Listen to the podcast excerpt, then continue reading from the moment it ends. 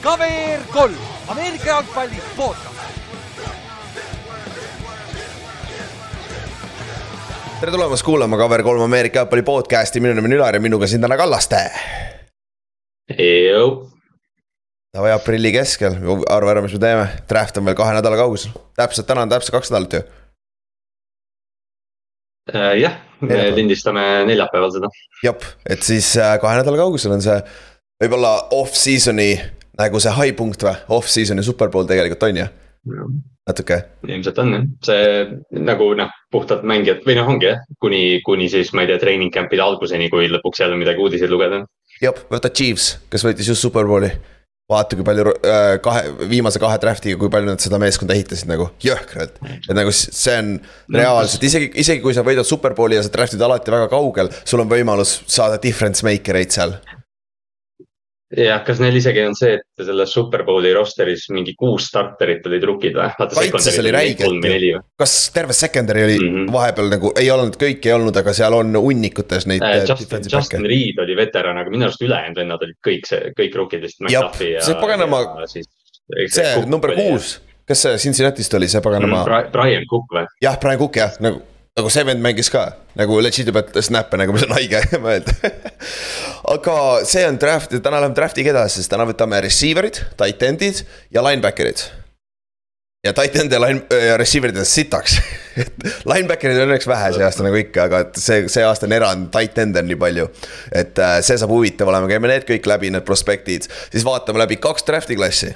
et meil igav ei hakkaks ühega, võtame lausa kaks draft'i klassi. Nad lihtsalt correlate ivad päris hästi selle äh, receiver'ite ja tight end'ide klassiga, et seal on paar head argumenti ja näidet nagu võtame kaks tuhat neliteist, OBJ draft, Mike Evansi draft. Aaron Donaldi draft, tegelikult Aaron Donald peaks esimene seal listis olema. Äh, ja kaks tuhat kakskümmend Justin Jeffersoni draft ja Jalen Reagori draft, vot see on see kõige suurem conversation point. ma ei tea, kumb, kumb suurem asi isegi on. Ja nad on praegu meeskonna kaaslased. Eagles, kes on, kes on, jah täpselt, Eagles, kes on teinud väga vähe halbasid valikuid viimase aasta jooksul, valis Jalen Reagori üle Justin Jeffersoni. ja enne seda võtsid ju JJ Arkeda või mis ta võt-, oli vist või? Ar- Artega Whiteside olid. ja Artega Whiteside jah. aga, kes skooris ühe touchdown'i, mis oli fumble recovery. aga touchdown on touchdown, Fantasy'st on ikka kuus punni. kuus, kuus punkti on kuus punkti. aga seoses Fantasy'ga muideks, ma pidin ammu ütlema, hakkame vaikselt koguma sest et eelmise aasta käigus, see on tavaline, esimene aasta, kui me Fantasy't mängisime, nii palju, paljud rääkisid hooaja, hooaja keskel, aa ma teen järgmine aasta kindlasti, siis võtsime uuesti ühendust e- eelmise aasta alguses, aa ei, ma ei viitsi. et kui teil on huvi, siis andke teada, sest äh, vastavad äh,. mi- mis eelmine aasta juhtus, siis tundus, et me saaksime kaks liigat üles panna, sest et ma ei tea, kuueteistkümne meeskonnalise liigaga on päris keeruline. samas oleks huvitav, aga see läheb juba päris crazy'ks ära ma, ma olen alati mõelnud tegelikult Fantasy's, et jumala pull oleks mingi kolmekümne kahe mängijaga teha, vaata, et lihtsalt sa peadki mingi tallase number neli receiver'ilt. kusjuures me võime teha kol- kõ- kõrvale siukse, kus on lihtsalt hunnik inimesi nagu on ju. see on lihtsalt pulli pärast oleks huvitav, aga igal juhul, kui te olete huvitatud, tahate ühineda me Fantasy liigaga, küsi Paavli käest näiteks, Pavel on. Pavel on oma sõpradele sit-, seda sitaks rääkinud, ta mängis eelmine aasta esimest korda. mis see teeb, see teeb lihtsamaks NFL-i jälgimise, sul need nimed jäävad ka paremini meelde, vaata arvatavasti ründe poole pealt, aga, aga ikkagi parem see kui mitte midagi, on ju, aga, aga et selles suhtes ta teeb räigelt huvitavaks. Ja meil on noh, oma liiga, oma kuradi kogukond seal juba, et nagu me saame panna teise liiga kõrvale või mis iganes, me saame välja mõelda erinevaid formaate samamoodi. et andke teada, et siis saame edasi minna, edasi vaadata ka sellega log- logistilise poole pealt. ja siis lisaks sellele. ja noh, põhi, põhimõtteliselt, põhimõtteliselt, kui keegi teeb nagu või noh, kui otsite enda mingisse liigasse ka mängijaid, siis noh, kirjutage selle osas ka, pange oma, pange sinna Ameerika jalgpalligruppi, et noh, et kui. ja proovib või noh, selles mõttes ideaalis oleks see, et noh, et kui kellelgi mingi küsimus või teema on, siis noh, lenda sinna gruppi ja leiad kellegi ilmselt. Täpselt ja nagu näiteks meil on see Tallinn Kingsi liiga, vaata, mis on alguses oli Tallinn Tormi liiga, see on mingi kaks tuhat seitseteist aastast saadik olnud või? Kallaste tuli vist kaks aastat tagasi sinna, ma olen väga ammu seal olnud äh,. seal on juba oma trofii nagu üks, kes, kes see tegi selle, Joonas või? või ei, kurat, äh, ei, ma ei mäleta ka. Ma ei mäleta ka, sorry. aga, aga räigelt vinge mm, -hmm. nagu räigelt vinge trofee nagu, nagu paganama karikas, vaata või nagu rändkarikas iga aasta saab, vaata, et see, see nagu. see, ja seal oli see huvitav ka, et me liigume nüüd nagu Dynasty peale seal vaata, et ma ei ole ise Dynasty't kunagi mänginud, aga noh, seal nagu on see, et ühe mängija kaupa nagu liigud, et. et noh, fantasy on ja noh, tänapäeval nüüd kaasaegses fantasy maailmas on kõik need mingid best ball'id ja mingid erinevad formaadid, et noh, ja siuksed asjad on olemas aga kuule, Eestis tahetakse spordi seda gamble imise ja seda paganama reklaami keelata, siis no ei nagu.... siis peab laua all tegema seda. noh, shout out Juhan, aga mina ei kutsu seda Unibet Arenaks noh jah, kuule, ma, mul on Sabatoni reklaamid, ta kutsub seda siiamaani Saku Suurhalliks ei, aga nagu, nagu okei okay,, Unibet või noh, fine. aga kuidas sa muudad Suurhalli ära, see on probleem minu jaoks okei okay,, fair point, fair point. aga davai, kuule, me oleme jälle kuskil topikuga perses, eelmine kord tegime Kallastega kahekesi, pool tundi rääkisime mingit muud paska juba. aga meil on paar suurt uudist ka nagu reaalselt, mis on nagu väga-väga kõvad uudised. alustame lihtsamast äh,. Balti liiga hakkab, Tallinn Kingsi esimene kodumäng on siis äh, Vilniuse vastu, Vilniuse Iron Wolvesi vastu, kelle, kellega me eelmine aasta mängisime finaalis ja võitsime neid finaalis, ehk siis eelmise aasta finaali rematch on kohe Tallinnas, kuuendal mail kell kaksteist Sõle spordihallis seal spordihalli taga, sorry, on see jalkaväljak, vaata, leiate üles küll. Ameerika Footis ei saa sees mängida Eestis väga kuskil, välja arvatud Pabalis on ju. et äh, on, tulge kohale, tulge vaadake, mis, mis kohalik jalgpall teeb, saate parema maigu kätte võib-olla nagu visuaalselt näha, mis, mismoodi see välja näeb, on ju.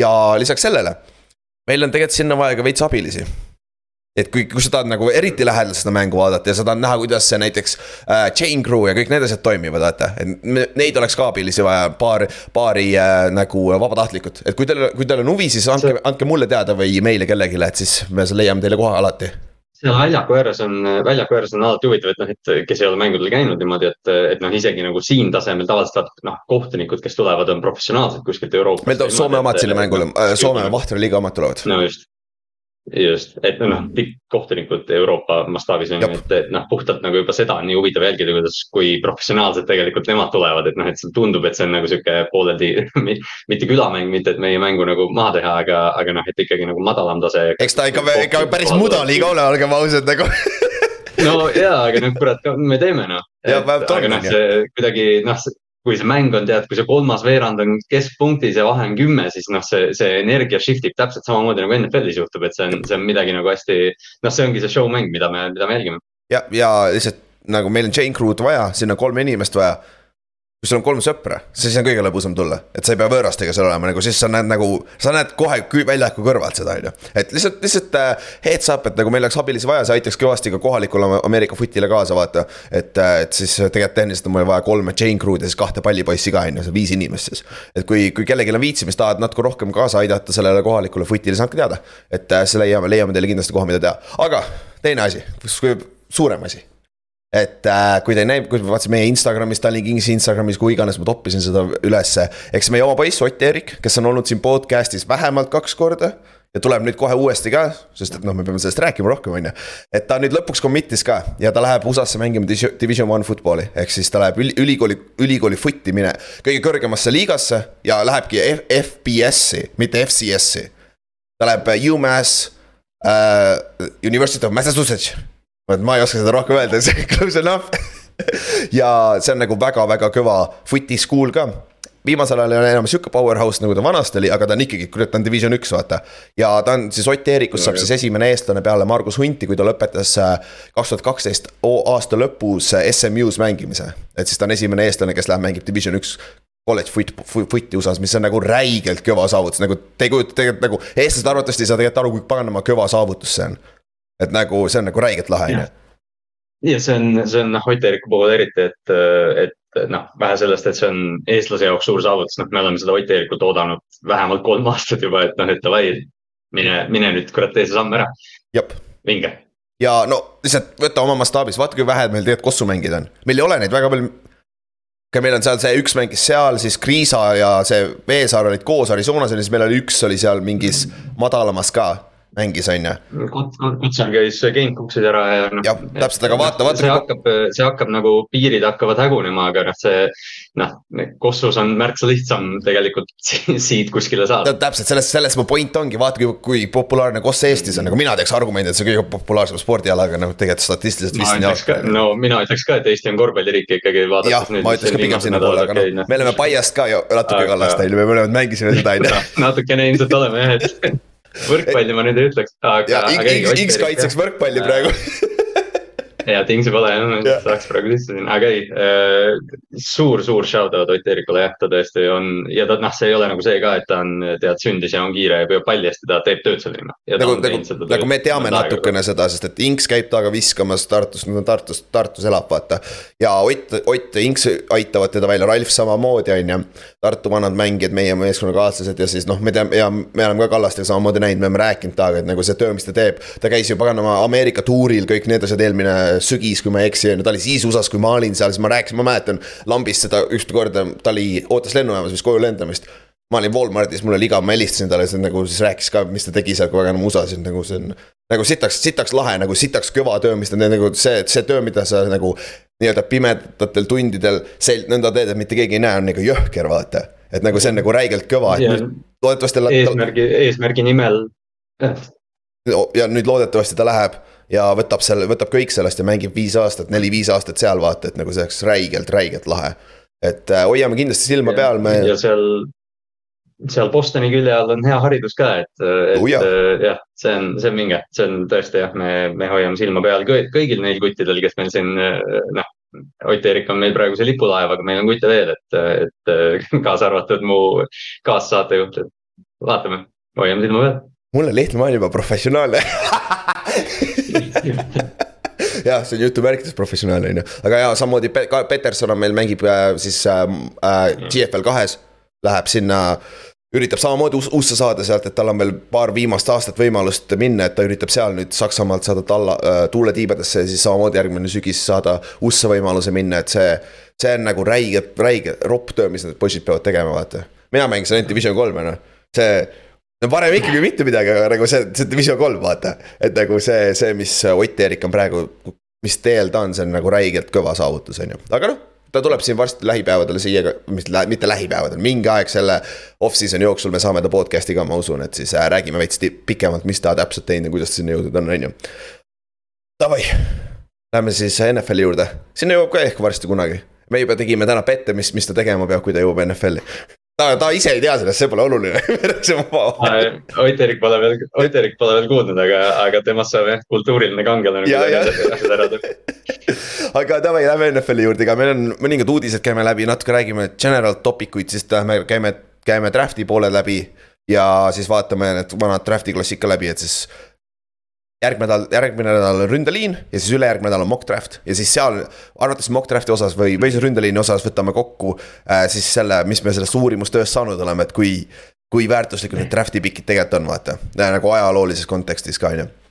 aga davai, nüüd äh, meil juhtus vahepeal üks trade äh,. Falcons treidis endale Jeff Okuda Lionsist, kes ja Jeff Okuda oli number üks cornerback kaks tuhat kakskümmend aasta draft'is, ta oli number kolm overall pick väga suure potentsiaaliga, üks, üks kindlamaid pikke pidi olema, aga kahjuks Detroitis ta ei töötanud, tal oli Achilleuse vigastus ka. nüüd eelmine aasta tal oli esimene nagu hea, nagu okei okay aasta, ta ei olnud nagu superstaar. aga noh, ta ei ole veel siiamaani äh, nagu seda potentsiaali ära kasutanud, mis tal oli, kui ta tuli draft'iga, tuli NFL-i on ju.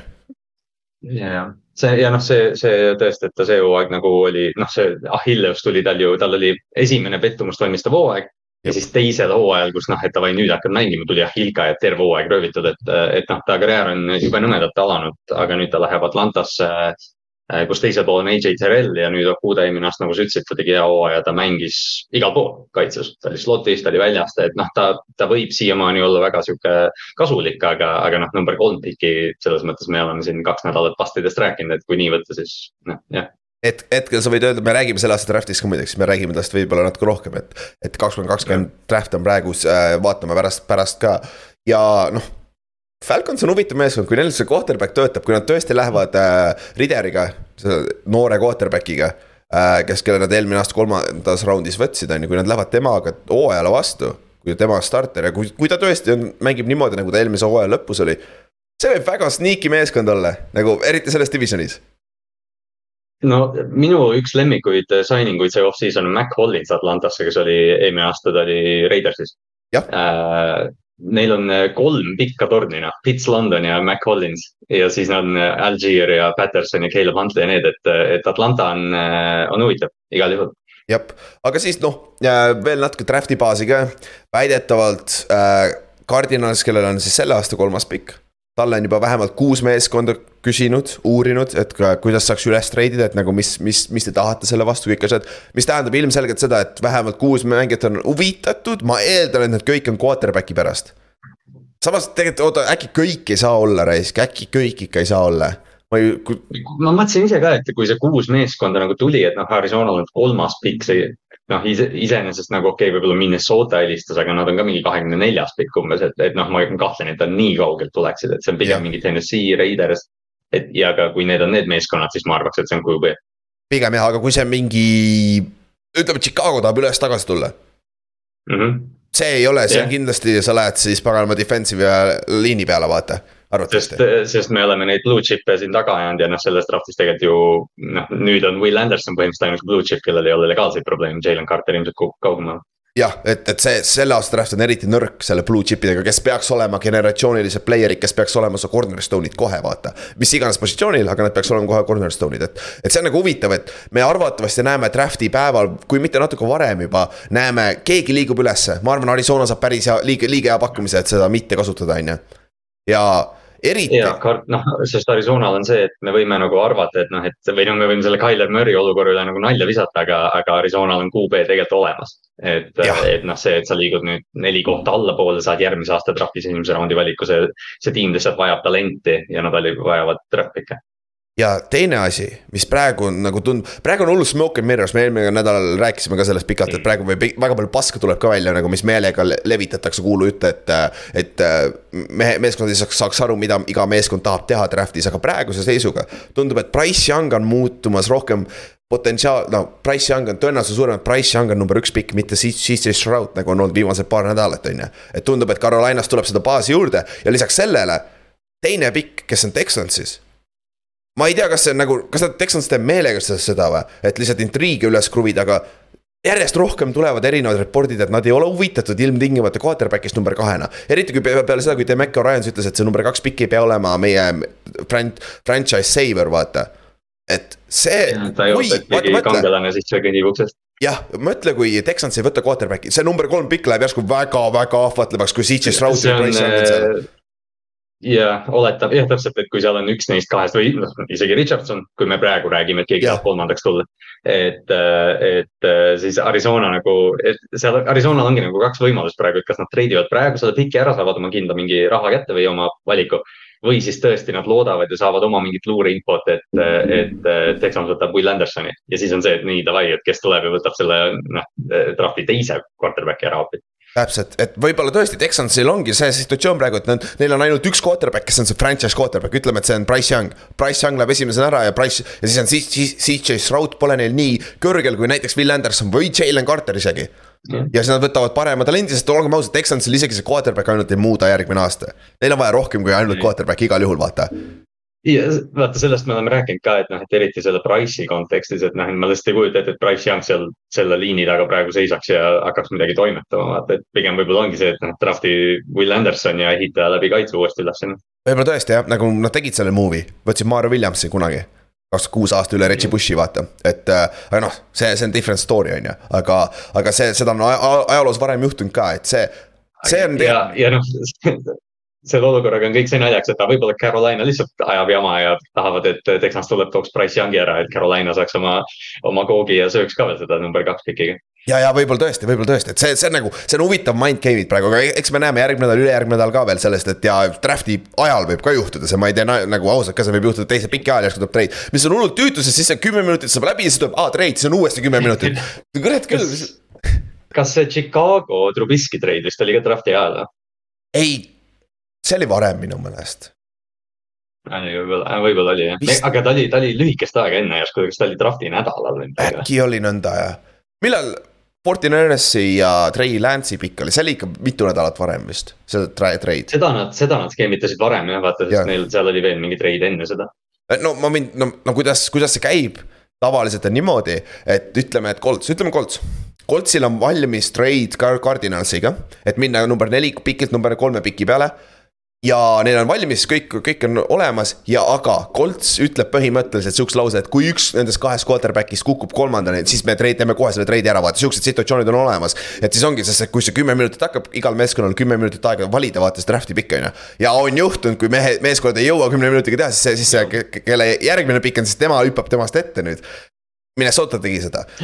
Üks, siin mõned aastad tagasi, aga nagu siuksed situatsioonid on ka olemas, kus trade on nagu paberi peal olemas, et kui, kui see mängija, keda mina väga tahan, tul-, langeb sellele positsioonile, siis ma kohe automaatselt äh, trade in, trade in sinna ülesse mm.. et sellepärast me näemegi, ma arvan, et me näeme neid äh, draft trade, draft day trade'e päris palju, sest kuna meil on neli quarterback'i potentsiaalselt, kes peaks minema väga kõrgel, aga minu arust on see täis bullshit, need kaks tükki võiks või peaks need minema, need järgmised kaks ei peaks üldse minema nii kõrgel nagu, aga noh, see on NFL tänapäeval on ju. me, me räägime seal potentsiaalist juba jah, mul lihtsalt tuli selle aja täissaamisega meelde see, et Baltimore kaks tuhat üksteist aasta NFL draft'is sai Jimmy Smithi sellega, et nad jäid hiljaks selle trade või selle pikiga. Oh, oli ikka halb küll Läks ikka sitasti. ja siis Chiefs võttis Jonathan Baldwini kurikuulsa receiver'i, kes pastis kohe algusest peale ja siis Raymond sai Jimmy. naljakas, aga siis äh, quarterback idest rääkides, nüüd see Rodgersi ja Jetsi situatsioon hakkab ka edasi minema, et see on päris huvitav, mis seal praegu toimub, et äh, just eile oli, eile või üleeile, minu arust David Bakhtiari oli Passin mitte poiss ka saates ja see on see podcast'is, sorry. David Bakhtiari on siis hetkel veel Backersi left tackle. Kurat, ta rääkis sellest Backersist nagu Backers, Backers ja nemad, nemad, mitte nagu meie. et väga siukses kontekstis nagu, et kindel, et taga seal hooaja alguses nende left tackle on või? ma, ma ei saa sellest tiimist aru, nagu ma lihtsalt ei saa Ma aru, mis seal toimub, sest seal on nagu, nagu oleks mingi põlvkonna vahetus ja siis noh, see vanem põlvkond nii-öelda Rodgers ja Bakhtiari ja kes need seal on, need kõik lihtsalt kiruvad seda ja siis, aga nagu tiim on selle poolt, et me tuleme noored, noh hästi kuidagi konfliktis. ja, ja siis põhimõtteliselt äh, Bakhtiari tõi välja võimaluse, et Backers lihtsalt hoiabki Rodgersit kinni, kui nad ei saa seda, mis nad tahavad, sest praeguse seisuga väidetavalt äh, Jets tahab äh, se selle aasta teise raundi pikki ja siis järgmise aasta esimese raundi pikki. ja ka seal on mingi klausel sees, et kui Rodgers, Rodgers ainult mängib ühe aasta, siis see muutub või mis iganes, mis peakski olema. sest kui ma ei eksi, kui Brett Favre oli täpselt samas, mitte täpselt samas, aga sarnases situatsioonis kaks tuhat kaheksa aasta off-season'il, siis see, äh, kui ma ei eksi, see draft'i pikk oli Brett Favre läks Jetsi ja Backers sai vastu äh, kolmanda raundi piki või neljanda raundi piki ja seal oli sees, et kui ta mängib teatud arv mänge, ta, ta võidab mingi MVP, siis see kolmanda raundi pikk läheb teise raundi pikiks, see teise raundi pikk läheb esimese raundi pikiks. vaata, mäletad nagu Carson Wentzi ja äh, Eaglesi ja Coltsi Jah. trade oli vaata, jah, et, et siukseid asju, nende asjade taga see on, sest ma arvan, et Jets ei taha väga palju draft'i cap- capital'i anda, kui Rodgers ainult mängib ühe aasta. sest ta ju väidetavalt ütles, et ta oli juba üheksakümmend prossa retire itud see off-season ju. Jah, see, see on nagu nii naljakas, kui sarnane olukord Rodgersi ja Favre'i olukord tegelikult on, see on, see tundub nagu nii, et noh, kuidagi. me spekuleerisime seda viis aastat tagasi, et aa, kujuta ette, kui Rodgers läheb lõpuks Backersist ära ja siis oo naljaga, et oo läheb Jet, läheb Jetsi, nüüd ta lähebki Jetsi. Ja me oleme seda vist rääkinud po- podcast'i algusest, me oleme kolm aastat teinud seda podcast'i. Nagu naljakas noh, see ongi see, see ongi see ajajoon, kus me rääkisime, et Rodgers on vanaks jäänud, siis ta võitis kaks MVP-d, siis ta läks Jordan Love'i peal närvi. hästi veider. See on, see on, see on huvitav ja eriti see, see situatsioon teeb selle draft day eriti huvitavaks, sest et ju kui, kui nad lähevad draft'ist mööda ilma, ilma diilita, siis nad hakkavad järgmise aasta draft'i pikka alles treidima ju, mis ei ole Backersi jaoks kõige parem ja Jetsi jaoks on natukene parem tegelikult. Et eriti, eriti kui, et sest, et äh, Jetsil on kolmeteistkümnes pikk see aasta, mis on nagu väga valuable pikk, seal on väga hea võimalus võtta ründeliin, mida on, sul on vaja sinna paganama Rodgersit kaitsma. et, et see on väga, see, see situatsioon pluss see, mis seal top'is toimub, esimese kolme pikiga, millest me just enne rääkisime. Need hoiavad seda draft'i väga huvitavana, ikka väga-väga huvitavana, ma arvan selle aasta draft nagu, vaata eelmine aasta, noh eelmine aasta oli puhtalt see, et QB-sid ei olnud, aga selle aasta draft on nii palju huvitavam, lihtsalt intrigeerivam. Jah, ja kui te, ma unustasin alguses öelda, et kui me, kui te tahate koos vaadata seda, siis andke teada. et äh, siis siin on nagu võimalus midagi kokku, kokku mix ida, et oleks huvitavam, ei pea öösel äh, unega võitlema üksi, vaata. on ju, siis paar uudist veel, Devin White tahab väidetavalt Buccaneersist treidi, nende inside linebacker, kes on natukene viimase kahe aastaga sammu tagasi võtnud, see superbowli aasta oli väga hea, aga nüüd on tagasi võtnud sammu, ta läheb vist oma viimasele contract'i aastale ka, et seal on kindlasti contract'i asi, arvates Buccaneers ei taha talle maksta nii palju, kõik see jama, on ju. aga Paks juba ütles, et ta ei lähe kuskile jah, me ennegi näinud, aga ta on linebacker ka, kui palju, kui palju mingi teine meeskond on valmis talle maksma, vaata ja treidima ja siis veel maksma talle, et see on. jah, see on ka väga huvitav. eriti, eriti meeskond, kes läheb praegu aastasse Baker Mayfieldiga ja noh, selles mõttes väga palju veteranmängijaid, kes ilmselt on väärt midagi. Ja. Devin White, no noh, selles mõttes, aga no White, White ma tunnen, on nagu selline tüüp, kes noh, tal oli tõesti üks superbowli aasta, ülejäänud ajad on suht nagu noh ei ole nii suur faktor olnud, aga ma arvan, ta nägib Tremaine Edmondsi seitsmekümne miljoni lepingut ja ütles, et jaa, palun täpselt, aga ta ei ole väärt seda. ta on, ta on väga, me saame, me võime sellest rääkida, siis kui me Paxist räägime, pre-season uh, preview'd on ju. ma, ma kardan, et äh, noh, mitte et Ravensi juurde seda asja viia, aga ma arvan, et Patrick Queen'i olukord tuleb umbes samasugune tegelikult idekas segway, järgmine suur uudis, mis juhtus siin peale Ott Eeriku signing ut oli see, et OBJ signis Ravensiga. Viieteist milli jaoks, what the fuck nagu miks, miks sihuke raha, okei okay,, me kohe seletame, miks tegelikult mul on päris loogiline, see on tegelikult juba päris loogiline, miks ta sellise raha sai, aga.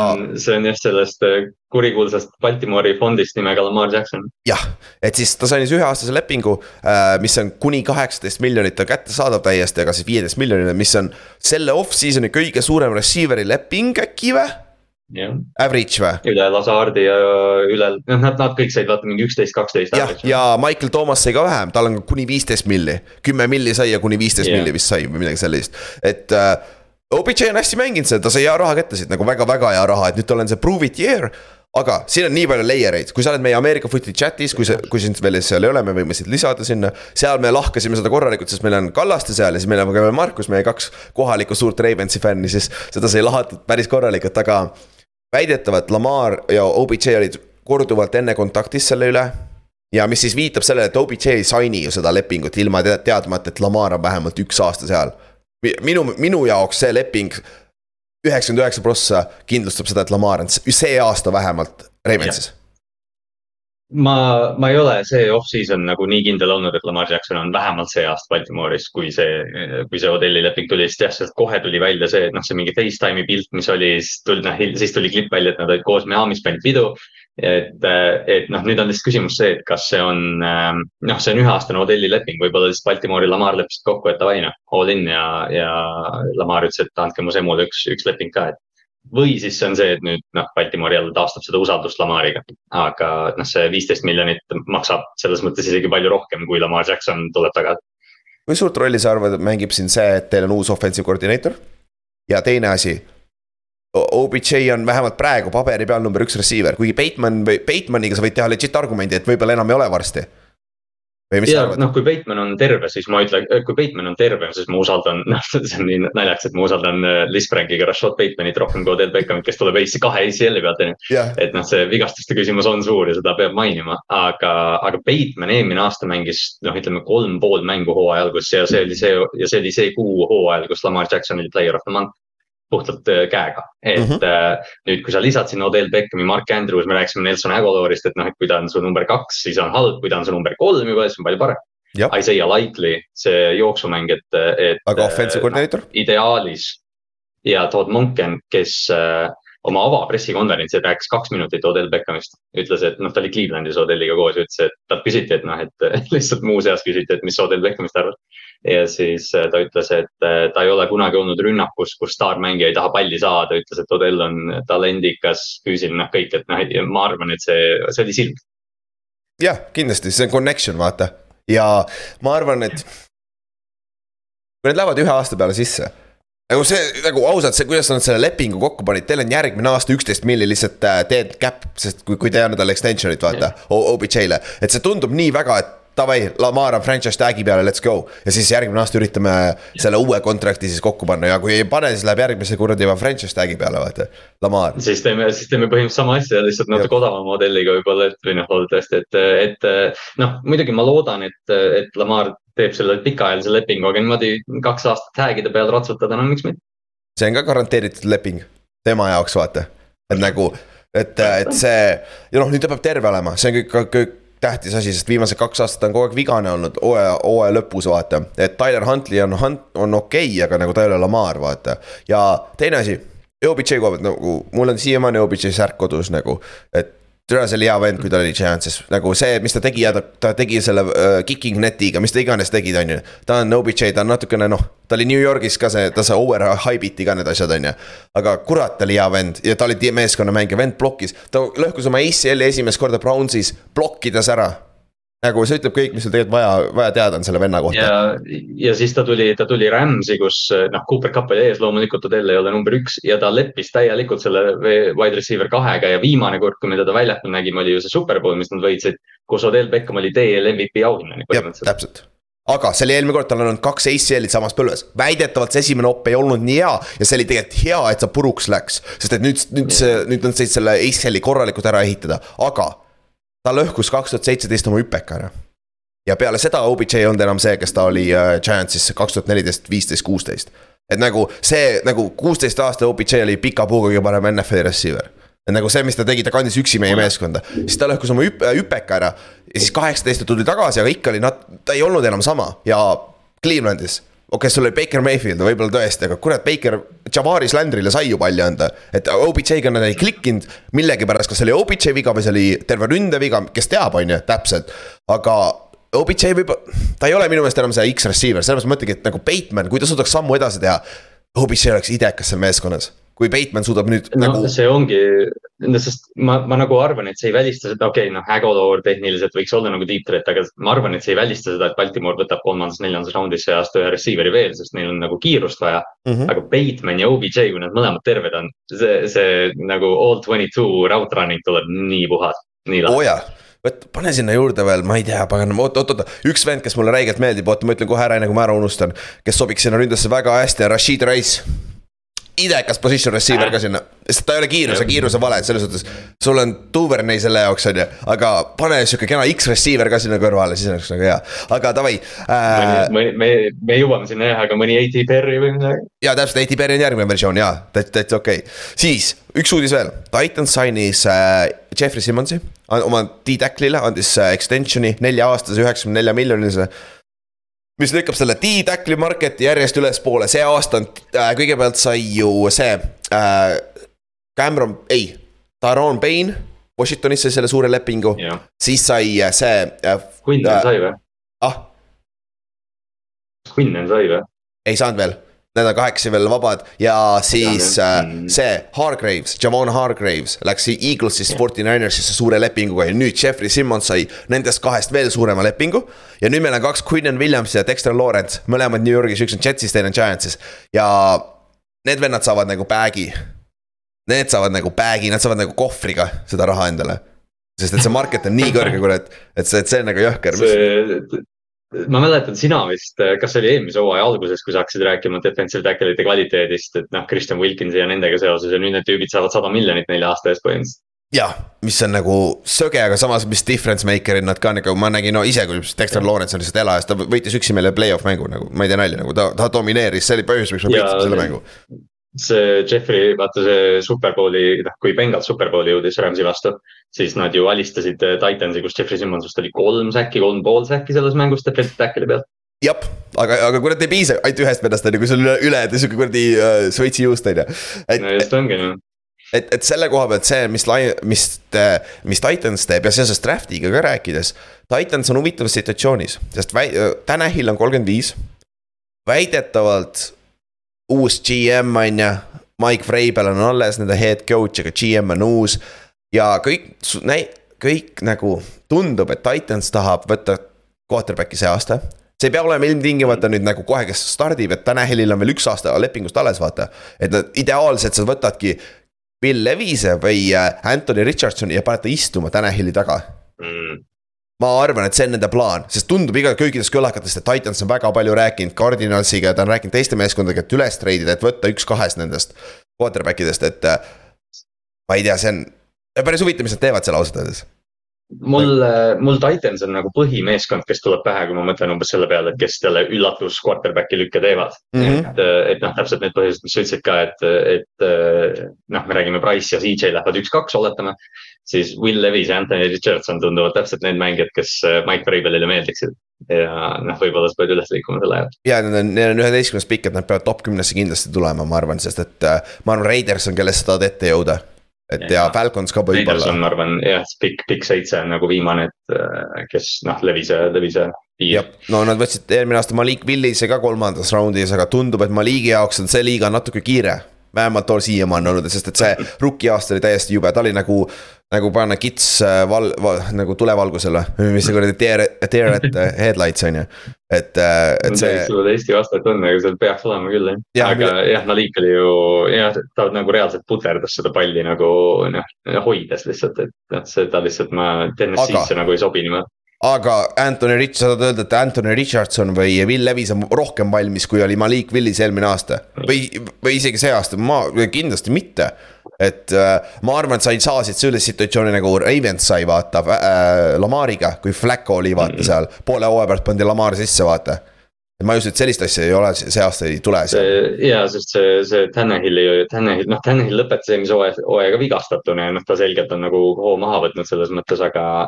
aga noh, Tannehill on siiamaani starter seal, aga ja. ma nagu ei läheks hooajale vastu niimoodi, et noh, et mul on Ryan Tannehill ja siis Derek Henry, kes on noh, kuningas Henry, aga ta on valel pool kolmekümmet juba, eks ju. täpselt et, et see, see meeskond läheb läbi rebuild'i, nad lasid Taylor Lamanit ka lahti, Woodsid lahti, et, et selle koha pealt see AFC South on väga wide open praegu, et see on huvitav vaadata, kes sealt välja tuleb see aasta, et, et NFC South samamoodi vaata, mõlemad äh, lõuna divisionid. aga davai, lähme edasi, lähme draft'i juurde ära, sest me oleme juba paganama pool tundi latranud siin. ja draft'i järjekorras pole midagi muutunud, kõik järjekord on sama ja meeskonnad, millest me alu-, meeskonnad, sorry. positsioonid, millega me, millega me alustame täna on receiver'id. aga üldiselt, Kallaste. see aasta on veits pask receiver'i klass, on ju mida rohkem ma vaatasin, ma, ma nagu, ma olin kuulnud hooaja vältel ja, ja natukene nagu uurinud ka, aga ma mõtlesin nagu, et, et noh, siin on rohkem, aga siis kui ma, ma ei taha nagu see tüüp olla, aga ma hakkasin nüüd äh, füüsilist nagu profiili vaatama mängijatel, ma ei taha ühtegi neid. üks on ja siis, siis sa loed ta kohta ja siis sa uurid veits neid research'i. vend ei oska receiver'it mängida ja ongi, et hüppab püügikätega, no et mis toimub, et, et okei okay,, et noh, et, et tavaliselt receiver'i klassi, kui me vaatame täna nüüd tagasi ka aastat, aastaid, siis noh, meil on viimastel aastatel harjunud, et tuleb Jamar Chase või Justin Jab. Jefferson. et me saame teises-kolmandas raundis nagu legit startereid vaata, me oleme harjunud sellega. jah, ja just, et noh, AJ Brown tuleb teise raundi lõpus või teise raundi keskel et noh, see aasta on receiver'i positsioonil vähem, vähem seda profiili, kui muidu on ja noh, kui me räägime üldiselt, siis minu arust ma olen Homer, on ju. mul ei ole praegu, ma oleks pidanud Ohio State'i mütsi pähe panema. aga palav hakkab, kurat, meil on suvi kätte jõudnud Eestisse. aga ainuke vend, kes on minu arust nagu potentsiaalselt difference maker. aga halvimal juhul ta on sul ideaalne number kaks receiver on Jason Smith Nick Chigba Ohio State'is, kes oli terve eelmine aasta vigane, hamstringi injury väga kõva hamstringi injury pidi olema, on ju, tagareie venitus, on ju. et sa olid terve aasta väljas, aga ma ei imestaks, kui siin on natuke, ta mõtles ka draft'i peale, kindlasti ta pidi mõtlema seda kaks, sest ta oli kakskümmend kakskümmend üks hooajal ta oli samas meeskonnas äh, Garrett Wilsoniga ja Chris Olavega ja neist kolmest oli kõige parem receiver. ja, ja need, need teised kaks kutti, kes on NFL-is juba ennast tõestanud juba paari aastaga, ütlesid mitu korda, et Jackson Smith and Jigba on rohkem atleetlikum ja parem mängija. täpselt, aga tema su kõige äh, su-, kaheksakümmend kolm protsenti ta protection'ist tuli slot'ist. mis ei ole vaata ilmtingimata number üks receiver, kui sa tahad seda dominant receiver'it saada, siis põhiliselt slot receiver'id ei ole vaata siuksed, sul on väljas ka vaja receiver mm., nagu sellist domineerivat receiver'it. aga noh, tal on, ta on ideaalne, tal on production olemas võib-olla vigastuse, vigastuse ajalugu on ka natukene, mis tõmbab ta äh, seda väljut alla, aga ta on ideaalne route runner, ta on selle draft'i kõige parem route runner minu arust. et, et see minu meelest see prospekt, mis tal on, on OBJ-ga, OBJ mängis rohkem väljas, aga see, milline ta on nagu. milline oli OBJ, kui ta LSU-st välja tuli, route running, route running, route running. Ja sellepärast oli kohe kõige produkta-, produktiivsem paganama äh, receiver ka ja, ja noh, see, see slot'i, slot'i asi on ka, vaata noh, Justin Jefferson oli slot receiver LSU-s, eks ju, et ja, siis tuli NFL-i ja pandi kohe äärejoone peale, noh, ma, ma ei ütle, et Smith and Jigba on, on, või noh, selles mõttes Justini füüsiline profiil on teistsugune, aga. aga noh, me oleme näinud, Chris Olave, Garrett Wilson, lihtsalt näited, kellega Jackson Smith and Jigba koos ka mängis. et, et need Ohio State'i püüdjad, nad jooksevad radu hästi, nad saavad vabaks ja nad püüavad palli kinni ja igas rünnakus on selliseid vendasid vaja täpselt ja noh, arvata, et ta on suur, ei ta on kindlasti esimese raundi pikk. ja noh, comparison äh, Saint äh, Amon Raas, Saint Brown või siis isegi Victor Cruz on lahe, lahe, lahe comparison siin nagu. Cruz on nii hea komp selle jaoks, nii hea et ja ta on kuus-null pikk, ta võib väljas mängida, aga tal kiirus on natuke sihuke, et nagu ta ei ole nüüd nagu nii kiire, vaata, et. võib-olla väljas mängides nagu välimist receiver'it mängides, sul on vaja rohkem füüsilisi äh, nagu näitajaid, et olla seal domineeriv. ta ei, ta ei võida nagu, ta ei võida füüsiliselt vaata ka, et noh, ta võidab ikkagi sellise noh, one cut'iga. aga, aga kui keegi tahab, äh, lihtsalt vaadake Ohio State, Utah Rose Bowl ja lihtsalt nautige, mida Smith ja Jigba ja CJ Stroud tegid täpselt, et, et see, tema on suure tõenäosusega esimene receiver, kes läheb ja, aga. Receiver'id, nad overdraft ivad receiver'id, ma arvan, ta läheb esi top kümnes, ausalt öeldes. puhtalt sellepärast, et äh, NFL on nii palju passing liigaks läinud ja see value, receiver'i value on nii kõrge, ma kardan seda. aga muidu, kui, kui nagu receiver'it võtta nagu lihtsalt äh, talendina, siis kaks-kolm receiver'it peaks esimeses raundis ainult minema, aga suure tõenäosusega läheb mingi neli-viis ikkagi kokkuvõttes ära, vaata. sest eelmine aasta mäletate, vahepeal oli see run on receivers ja siis Jahat Tatsun tuli järsku esimesse raundi, vaata. kes on ju. jah kes, kes me pakkusime sinna teise raundi algusesse jah, et ja., et äh, tiimid hindavad receiver'it kõvasti, ma ei tea, Green Bay viisteist oleks nagu viimane piir võib-olla jah, ja noh, siis mõned receiver'id veel nagu, kes on suure tõenäosusega lähevad selles esimeses raundis, aga siin on sul nagu igasuguseid kehaehitusega receiver'id nagu igale tüübile vaata. et alustame näiteks, võtame äh, Quinton Johnsoni, sest tema on nüüd prototüübiline X-receiver. ehk siis välimine receiver, kes on füüsiline, kellel on kiirus, kellel on explosiveness kõik olemas, aga ja ta on suure play, nagu big play threat ka, kes suudab sügava, pikki palle püüda ja noh, neid difference making play'si teha, on ju. aga esiteks ta ei mängi niimoodi ta ei, ta on nagu, ta on suur ja jõuline vend, tundub, aga ta ei mängi, et ta ei mängi, et ta on suur ja jõuline. väiksemad vennad hoiavad teda kinni ja suruvad ta ära, kui on vaja. et mis on nagu väga huvitav, minu jaoks on see kohe suur reede. ja ta tugev, ta tugevus on, ta tugevus on yards after catch, mis nagu noh, ta on meeletult hea selles, aga ja. ta nagu ei näe välja, nagu ta peaks olema selles hea täpselt ja tal on, tal on hästi palju upside'i, aga ta võib olla ka vabalt sul paganama Corey Coleman, kes tuli Baylorist välja. nagu, kes on füüsiliselt räigelt hea ja ka tegelikult kokkuvõttes NFL-is sa ei tee midagi selle füüsiliseks, ta ei suuda seda NFL-i mängu nagu ära õppida, nagu neid radu ära, ära õppida, et kuidas olla nagu, sest et. kolledžis sa oled füüsiline friik, aga sa jõuad NFL-i, sul on kõik füüsilised friigid vastu ka, vaata. jah, et su, su mingi teine cornerback oli ka füüsiline friik kolledžis, et, et see ongi, et Quentin, Quentin Johnston minu jaoks ka, ta on Jackson Smith ja Jake on kõige parem prospekt, aga noh, kuna meil ei ole teisi pikkasid receiver'id, kohe me räägime nendest väiksematest ka, aga Johnston nagu noh, puhtalt sellepärast ilmselt läheb first round, kuna keegi võtab selle, selle võimaluse. täpselt, siis üks, minu enda üks lemmikmängijaid on Safe Flowers Boston kolledžist mm. -hmm. ta on viis-üheksa pikk, mis on sada seitsekümmend viis, mis on väga lühikene.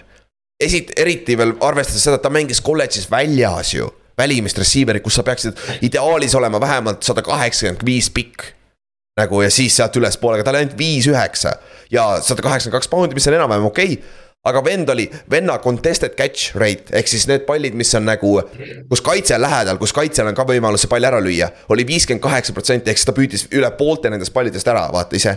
ja siis, kui sa võrdled selle Quinton Johnsoniga, kellest me just rääkisime, kes on suur füüsiline friik, kes peaks olema vähemalt sama numbri juures.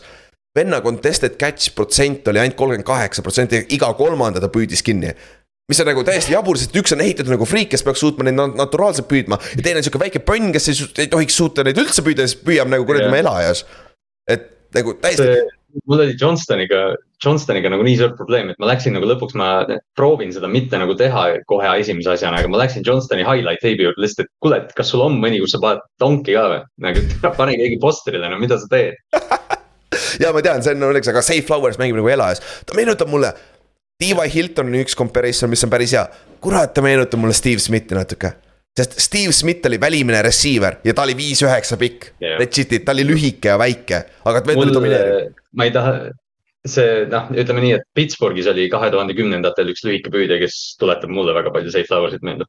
jah, see, see, kellel oli varvastega probleeme, siis nüüd tänapäeval. tal oli, tal oli muid, muid probleeme ka, number kaheksakümmend neli, Mr Big Chest aga, aga Safe Flowers'i koha pealt, minu meelest ta on huvitav vaadata, kuidas ta NFL-is töötab, sest et NFL-is kasvu järgi peaks olema slot, aga õiges ründes ta peaks olema sihuke välimine receiver, ta peaks suutma välja mängida seda. et nagu Kansas City's või sihukestes rünnetes ta peaks oma rolli välja mängima. Tyreek Hill näiteks vaata, ei olnud ka ilmtingimata suur receiver, aga tal on kiirus muidugi, mida sai, Safe Flowers ei ole nüüd nii kiire. ta on kiire, aga mitte nii kiire, on ju, see on nagu world class. mitte nii kiire, aga noh, aga jällegi see teine pool ongi nagu see, et kui me mõtleme mingist püüdjast, noh, Flowers on see, et noh, tead, sa pead natukene neid touch'e nagu generate ima tema jaoks ka, et mm -hmm. aga, aga kui sa draft'id esimeses raundis, ütleme püüdja, kellele sa pead nagu neid touch'e leidma, et ta ei ole sihuke winner tingimata. Eh, noh, mitte et Safe Flowers ei võiks olla, sest tal separation on väga hea ja ta, ja ta tõesti nagu sa ütlesid, läheb ülesse ka, aga noh, see ongi see, et noh, kui suur väärtus on mängijal, kelle noh. kui ta palli kätte saab, siis on hea, aga kuidas pall talle jõuab, see on küsimus sa pead õigesse, kui ta läheb õigesse süsteemi, siis ta on räigelt elusive ka, kui sa saad talle palli kätte. seda annab yeah., annab tacklida ühe mehega, seal peab mingi kolm-neli venda teda taga ajama, on ju. et selle koha pealt, see on väga oluline, kuhu ta läheb. kuhu ründesse ta läheb, on ju. siis, siit kõrval on sihuke vend nagu Jordan Addison kes on temast nagu nõksu ikka pikem, ta on viis üksteist, mis on siis sada, alla saja kaheksa, saja kaheksakümne, nõks alla saja kaheksakümne.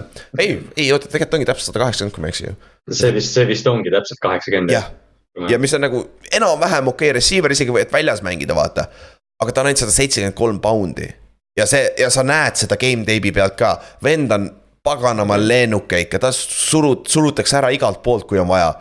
aga kurat, ta on hea route runner nagu äh, Äh, Smitnik Chigba on, jah, nagu äh, Smitnik Chigbal on kõige parem route runner siit klassist minu arust. aga Jordan Addison on sealsamas seal lähedal, aga ta füüsiline natukene surutakse ära, ta ei ole nagu nii selle taseme peal äh, receiver nagu nii komplekt nii komplektne, kui on yeah. Smith ning Chigba. sest ütleme, need, need kombid või, või otsida nagu võrdlust, see ongi jah, see Manuel Sanders on nagu see klassika, aga kui nagu, kui sa vaatad Jordan Addisoni, mul esimene mõte on kohe Calvin Ridley. Calvin Ridley on kakskümmend poundi raskem tast ja noh, Ridley mängib väikselt tegelikult või noh, Ridley ja. nagu võidab route running uga, et, et noh, seda saab teha. aga siis ma mõtlengi, meil korra tuli jutuks Jimmy Smith, eks ju, et noh, kujuta ette, Jimmy Smith on Jordan Addisoni vastu joone peal, kuhu ta, kuhu see kutt läheb, ta ei lähe mitte kuhugi. ja ta ei lähegi, eriti veel praegu tulles, võib-olla paari aasta pärast, kui ta suudab natukene lihast juurde panna, on ju. aga, aga tänu sellele jällegi, kas ta tavaliselt oleks esimese raundi pikk, ei oleks, aga ta see aasta arvatavasti ta push itakse üles esimeseks raundiks, sest et tema põrand on väga kõrgel, sest et ta, ta on ideaalne number kaks receiver mingi aeg ja see, see aasta ei ole talenti nii palju, et siis noh kui sa saad number, omale mingi nelja-viie-kuue aastase number kaks receiver on ka jumala okei okay tegelikult vaata. et, et see just seal esimese raundi lõpupoole me näeme teda, kusjuures Giants on potentsiaalselt üks, ta võib sinna, ta tegelikult sobib yeah. sinna Giantsisse ka. seal, ta täpselt tundub sihuke, et noh, et noh, üldse sealt mingi alates Chargers kakskümmend üks kuni esimese raundi lõpp on nagu see, et noh, et mingi tiim arvab, noh, Buffalo on seal olemas, eks ju, Tallasel mm -hmm. tehniliselt tegelikult võiks olla üks vaja, Ravens võiks võtta, Chargers, Minnesota, noh kõik jah, täpselt ja noh, ja üks, üks nimi veel, kes, kes tuleb arvatavasti esimese raundi lõppu, me võime näha, on äh, Jalen Hyatt, Hyatt, jah, Hyatt äh, Tennessee'st. ja aga ta on kuus-null pikk, jällegi ta on väga kerge, ta on niisugune kleenuke, on ju. no aga pole hullu, paneme paari aastaga talle natuke lihast peale, on ju ja, aga ta on one trick pony. nagu ta on, ta suudab ainult otse joosta ja palli püüda otse joostes et kui on vaja seisma jääda või suunamuutust teha, siis ta seda ei oska teha. ta reaalselt jookseb hukk, hukkõrle, mis on tavaline konks, sa jooksed viis jaardi otsa, siis sa tuled nelikümmend, sa tuled kohe tagasi põhimõtteliselt nelikümmend viis kraadi on ju. mis iganes, vend võtab seal mingi kolm-neli sammu, et seisma jääda, nagu yeah. see on hästi naljakas. ta on, ta on nii veidra kehaehitusega ka, tal on nagu pool kehast on jalad kuidagi ja no ja. ma ei tea, ta nagu ta on nii klassikaline, lihtsalt sprinter, lihtsalt ja. hobune. ja, aga kurat, kui sa oled õiges skeemis, Deshaun Jackson kas ta jooksis rohkem kui go, go raute ja post raute, võib-olla comeback'i ka every once in a while, sest see separation oli nii suur, vaata aga sellel, sellele on NFL-is koht eriti tänapäeval. aga noh, teine asi ka on TNS-iga, me rääkisime. TNS-is siis, kui me rääkisime Malik Hookerist, see ründeskeem on lihtsalt nii jaburalt lihtne. et NFL-i sealt ei ole mitte midagi vaadata põhimõtteliselt. aga jällegi, sul on Jalen Hyatt, Hyatt, kes pani Alabama vastu kuus catch'i, kakssada seitse jaardi, viis touchdown'i. saad sa aru, kuus catch'i, viis touchdown'i üle kahesaja jaardi. Eh, paganama, Alabama vastu, kes on kolmekümne kolmas NFL-i meeskond täpselt ei, sest Hyattiga nagu noh, ma terve hooaeg kirusin seda, et Los Angeles Chargersis pole kiirust. aga nagu, kui on üks asi, mida Hyatt oskab, siis see on uh, kiirelt joosta. Cooper Cupi kõrvale või? Sõge, see oleks päris hea fit, aga neil pole draft'i pikke ju ei, ma räägin Chargers. Oh, Chargers, sorry, Chargers, no jah, sinna samamoodi, sest et äh, Mike Williams ei ole ka deep threat ja Keenan Allan on ka minemas. lihtsalt katu-, lihtsalt katus pealt ära ja nagu see ongi see, et kui me räägime see aasta draft'is ka või noh, nendest receiver itest, siis. Noh, Jackson Smith ja võib-olla Quentin Johnston potentsiaali pealt on need tüübid, kes on klassikalised, need pallivõitjad. Hyatt on, ta jookseb kümme rada, aga noh, ta saab kolm catch'i ja sada kakskümmend jaardi. ehk siis siin on juba näha, need viis mängijat võivad suure tõenäosusega, ma arvan, et võib-olla neli neist on kindlasti esimeses raundis. nagu, aga, aga noh see, siin on, kõigil on oma vead ja oma tugevused ja need on kõik natukene nagu, keegi ei ole nagu üldine receiver, kõige, kõige üldisem, kõige nagu komplekssem receiver ongi äh, Jason Smith ning Chigba. Kes potentsiaalselt peaks suutma mängida ka väljas ja sees aga me ei ole veel näinud, et ta suudab väga väljas mängida. et see, see on nagu huvitav, huvitav eksperiment ka sellepärast ongi selle aasta draft'i klass nagu receiver'i koha pealt päris nõrk. aga noh, mõned nimed veel, keda võib mainida, kes võivad sneak ida sinna esimese raundi lõppu, on ju. on Josh Downs, kes tuleb no, no, äh, North Carolinast, aga see vend on puhas slot'i vend. viis-kaheksa pikk ainult, see on siis sada seitsekümmend natukene peale. et äh, ta mängib ainult slot'is NFL-is, sada prossa, on ju jah, ei absoluutselt äh,, noh jah, slot receiver, selgelt. jah, ja vennal on production sitaks kahe aastaga pea kakssada catch'i. kolledžis, mis on räigelt palju, et nagu. Wendell Robinson on hea comparison, eelmine aasta tuli Giantsisse nagu midagi sinna ja, kanti. ja noh, ütleme, et Jahan Dotson on võib-olla isegi natuke suurem tast, aga mitte palju, aga samamoodi mängib nagu noh, hästi suurelt mängib kuidagi, et noh, sama, mis sa rääkisid enne Safe Flowers'i juures, et sihuke pallivõit. täpselt, siis TNS-is äh, Hyatt'i meeskonnakaaslane Cedric Tillman. ta on nüüd kuus-kolm pikk, ta on kakssada kolmteist poundi, idekas, idekas välimine receiver, nagu sihuke füüsiline. Aga jällegi vend mängis TNS-is see rünne ju nagu, ta ei jooksnud rohkem radu kui paganama go round'i ja comeback'i ja paganama post'i. nagu ma tõmbasin ta mingid, mingid klipid lahti ja siis ongi, et noh, kuus, kolm, kaks tuhat kümme, et okei okay,, no nüüd nagu noh, sest ma vaatasin alguses need Addisonid, Flowers'id, kõik need pisikesed kutid ära ja siis jõudsin Tillmani juurde, siis mõtlesin davai ja siis vend, vend line ib up'i mingi viis jaardi line of scrimmage'i taga ja siis tuleb ikka hooga nagu mingi CFL-i, siis mõtlen, mis asja me teeme. Aga ta on one trick pony jällegi, ta on jump ball'i vend ja siuksed, tead, tead mulle isiklikult nagu jump ball'i vennad üldse ei meeldi, sest et nende eluiga on nii lühike NFL-is mm. -hmm sest niipea, kui nad kaotavad selle ühe sammu ära, sul pole temaga midagi teha, vaata, kui sa tead, hea raudrunner, sul kaotad kiiruse ära, raja, rada sa jooksed, suudad ikka joosta samamoodi edasi, vaata. Et.... mul, mul, mina õppisin jump ball receiver itega Enkeel Harry'ga, sest ma arvasin, see vend on järgmine, ma ei tea, kes iganes. noh, sa mõtlesid nagu Bill Belichikule, see ei ole üldse halb ju. Ma just mõtlen, ma, ma mõtlesin, et Belichik on jällegi, sest Enkeel Harry return'is pante, ta oli mingi kuus-viis, mis toimub ja noh, see Cedric Tillman läheb ka sinna alla, aga ta on one trick pony, aga samas kolmandas-neljandas raundis, kus ta arvatavasti läheb. nagu see on ideaalne, see on number kaks, number kolm receiver sul tegelikult väga hea value tegelikult, aga noh. jah, ja ta, ja ta mängib nagu noh, enne, enne me just mainisime, noh, Rashid Rice sa mainisid täpselt selline Ravens lisab kolmandas raundis, et noh, lihtsalt, et see, lihtsalt, et see receiver ruumis, et sul oleks see suur keha ka olemas no ongi Rashid Rice on järgmine, minu lemmikmängija, sest ta on, ta on nii komplektne receiver, me rääkisime äh, Smith Nick Chibast, ta on, ta on ta on välimine versioon Nick äh,, Nick Chibast Smith, Nick Chigba, jumal küll, Ülar, õpi ära nüüd oma kuradi oma poiss ka kaks aastat vaadanud seda receiver'it noh äh,.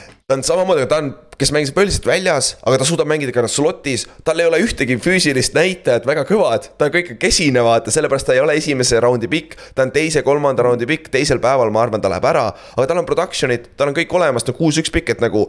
kui sa, kui me räägime AJ Brownist, DK Metcalfi taolisest, Terry McLaurini taolisest production'ist, siis Rashid Rice on, ma ei tea, minu vend seal, on ju. et mul nagu midagi sinnakanti võime sealt näha. ma olen, ma olen nüüd natukene nagu tagasi tõmbunud Rashid osas, kuna ma avastasin AT Perry, aga, aga jah, Rice oli mul ka veel, veel mingi paar nädalat tagasi, ma mõtlesin ka, et Rashid Rice, second rounder, vabalt. AT, AT Perry on sama, aga ta on nüüd suurem, ta on kuus-kolm pikk ja tal on natukene püüdmisega probleeme olnud, et see on, see on sihuke nagu concentration catch'id, aga samas. kurat, sellel vennal on tal on olemas kõik asjad, et NFL-is edukas olla, tal ei ole seda top-end speed'i, tal ei ole seda top-end äh, mm. lateral quickness'i, on ju. Aga kurat, ta, tal on production olemas ja tal on nagu, ta on, ta on ta on minu arust hästi eh, nagu crafty eh, nagu radadel ka, vaata tavaliselt mm -hmm. me just rääkisime nendest fifty-fifty vendadest, kes kolledžis, ma ei tea, mingi Marcel Aikman oli Oklahoma State'is paar aastat tagasi. et noh mm -hmm., lihtsalt, et noh, viska üles, ma toon ära, aga A.T. Perry kuidagi tead, ta noh, ta samm on nii pikk, aga ta leiab seal, tal on kõik need in-breaking round'id, noh, kõik asjad nagu jookseb ära, et et mind nagu intrigeeribki noh, see pikkus, aga samas see, kuidas ta võidab, et see ei ole lihtsalt see, et ta on äärejoone peal täpselt ja ma tean ja aga samamoodi teises, kolmandas, ei mitte teises, teise raundide ei tule, ta on pigem kolmanda, neljanda raundi vend, raundi vend mm., et äh, keegi, keegi saab endale väga solid äh, outside receiver'i, kui on vaja. et ja noh, üks vend veel äh,, Nathaniel Tank Dell on lahe nimi, ta on viis-kaheksa pikk, samamoodi puhas slot receiver, täpselt nagu äh, Josh Downs. et äh, aga production'it tuleb sealt slot'i pealt ka ja noh ta on, ta on catch-up player, talle, ta on natuke nagu ka Darius Stone'i moodi, et talle tuleb, tuleb skeemitada palli, vaata, aga kui, kui tal on pall käes, kurat, seda venda on raske tacklida. see on ja noh, see ongi see, et noh, Stone'i see fenomen on paar aastat nüüd nagu olnud, et, Tank Dell natuke liigub nagu ka Darius Stone'i, mis on sihuke teine inimklass täiesti, et lihtsalt sellepärast huvitav mängija, no sada kuuskümmend viis poundi. jah, mis on, mis, mis pole põhimõtteliselt mitte midagi, nagu see on täiesti null nagu et äh,. NFL-is nagu noh, nagu puht füüsiliselt sa paneks ainult punt return'i võib-olla tegema või, või kick ima, aga, aga noh, sa pead, noh, lihtsalt tal on seda potentsiaali. jah, aga noh, siis need on need nimed, kes, noh, pooled neist ei ole esimeses raundis ikkagi, aga need on need äh, nimed, kes esimesel kahel päeval suure tõenäosusega draft itakse kõik ära. et siis kuni kolmanda raundini, on ju, aga nagu, nagu me rääkisime ka alguses, et siin, siin ei ole väga talenti, et see, see overall talent ei ole väga kõrge võrreldes teiste aastatega, aga kus on on tight end'id see, see tight end'i klass on nüüd jõhker, võib-olla on see natuke mõjutatud sellest, et receiver'i klass on nõrgem, siis tulevad tight end'id ka ülespoole, nagu me eelmine nädal rääkisime, on ju. aga siin tight end'ide klassis sul on reaalselt kolm nime, võin lausa isegi neli nime, kes võivad kõik esimeses raundis minna. ja suht konsensus on see, et Michael Mayer no, Notre Dame'ist on number üks tight end see aasta ja kes on. ta on igav tight end, Kallaste kirjutas siia hästi, ta on igav sa lähed ajas tagasi, meil on kindlasti mõni sihuke kuulaja, kes on ku-, vaadanud kaheksakümnendatele NFL-i. sada prossa meil ei ole sihukest, sihukest kuulajat, kui oled, anna märku, kurat siis respekt nagu, aga. Mark Pamaro võta ette endale, see, ta sobib sinna comparison'i. võta paganama Jason Bitten, tallases sinna viimat-, viimase kahekümne aasta jooksul, sest ta on, tal ei ole füüsiliselt uh,. Michael Mayer ei ole füüsiliselt mingi kiire vend, ta ei ole ilmtingimata hea nagu mingi hull mega catcher uh,. Catch'iga vend aga vend on kuradi, ma, ta on väga, väga, väga hea ploki ja ta on väga hea raudrunner ja ta suudab, suudab nagu production'it luua söötudega ka, on ju ja igas, igas nagu süsteemis, et see ei ole lihtsalt see, et on Mike Gesicki, kes on uh, go-ball'i või see back shoulder'i vend, vaid Michael Mayer, noh, ongi, üks play blokib, teine play jookseb uh, mingi seam'i ja kolmandal play'l on run blocker jälle, et, et noh, teeb kõike. jah, aga tight end'i koha pealt on see ka oluline asi, asi äh, välja tuua, et su, tänapäeval on meil väga selgelt kahte tüüpi tight end'i. Ende on ju NFL-is, ühed on nagu passing tight end'id, kes on nagu suured receiver'id põhimõtteliselt, kes ei ploki nagu klassikalises mõttes üldse palju. ja siis sul on nagu äh, two-way tight end'id, kes on põhimõtteliselt nagu ründeliini extension nagu Kronk, Kronk ehe näide, kes on põhimõtteliselt, kui ta on ründeliini, kui ta on seal inline'is, tackli kõrval, ta on nagu ekstra ründeliini vend, aga samas ta püüab palli paremini uh, so safety'de ja linebacker ite vastu. et teda on väga raske peatada ja siin oleneb väga palju, mida, mida meeskondadel täpselt, mida nad otsivad ja sellepärast. me võib-olla ei näe nii palju tight end'e esimeses raundis puhtalt sellepärast, et neid meeskondi, kes, kellel on sellist tight end'i vaja. Neid ei ole nii palju, vaata, aga Michael Mayer on selle sa võid teha väga lihtsa argumendi, et ta on selle draft'i kõige ohutum mängija. kes peaks kõige, kõige kindlamini NFL-is toimima. mis, mis täpselt ilmselt kattubki tema selle draft position'iga ka, mis on Jab. ilmselt selle esimese raundi lõpupoole, et, et ma vaatan Cincinnati't kogu aeg, kui ma temast mõtlen, et nad on seda Hayden Hursti. On huvitav. Backers on räigelt huvitav, kui neil on vaja, Mercedes Lewis pole enam, Robert Tanjanit pole neil on titan'i vaja ja Jordan Love'ile sinna keskele sihuke pagana no,. Nad, me kohe räägime ühest Mercedes Lewisi koopiast. jah, jah, kohe räägime, võib-olla lähevad sinna, on ju. aga Michael Mayer nagu tundub, et ta on number üks titan see aasta, aga teine nimi, kes, kellel peab kindlasti nime, silma peal hoida, on, on Dalton Kin-, Kincaid uh,. Utah'ist, ta on nüüd natukene lühem aga omajagu kergem, ta on kaks, ei ole ka kusjuures tegelikult enam-vähem sama rasked olid siis kombainil, aga noh, ta oli vett täis kombainil ka, olgem ausad. ma ei usu, et ta mängib nii raskena. sest et ta liigub liiga hästi, ta ei saa mängida nii raskena, see kord, kuidas see vend liigub, on ikka sõge. aga tema on nüüd see teist tüüpi titan, ta on see move titan nagu Tar-, Darren Waller, Travis Kelci, kes, kes on nagu suured receiver'id. jah, BFF-is oli Dennis Pita jah, aga minu meelest Pita kuradi blokkis ka Pita oli, Pita oli hea titan, tal oli see puusavigastus, mis lõpp, lõhkus ta karjääri ära jah, aga Dalton Kincaid, osade, osade arust on tema number üks titan, aga jällegi siin on, siin on, kumb, kas äh, Michael Mayer või äh, Dalton Kincaid, kumb neist esimesel läheb, oleneb ka sellest, mis meeskond valib. kumba, kumba tüüpi titan'i neil vaja on, vaata. aga Kink-, Kinkeid jookseb. kurat, ta radade, kui, kui sujuvalt ta jookseb, on jõhker.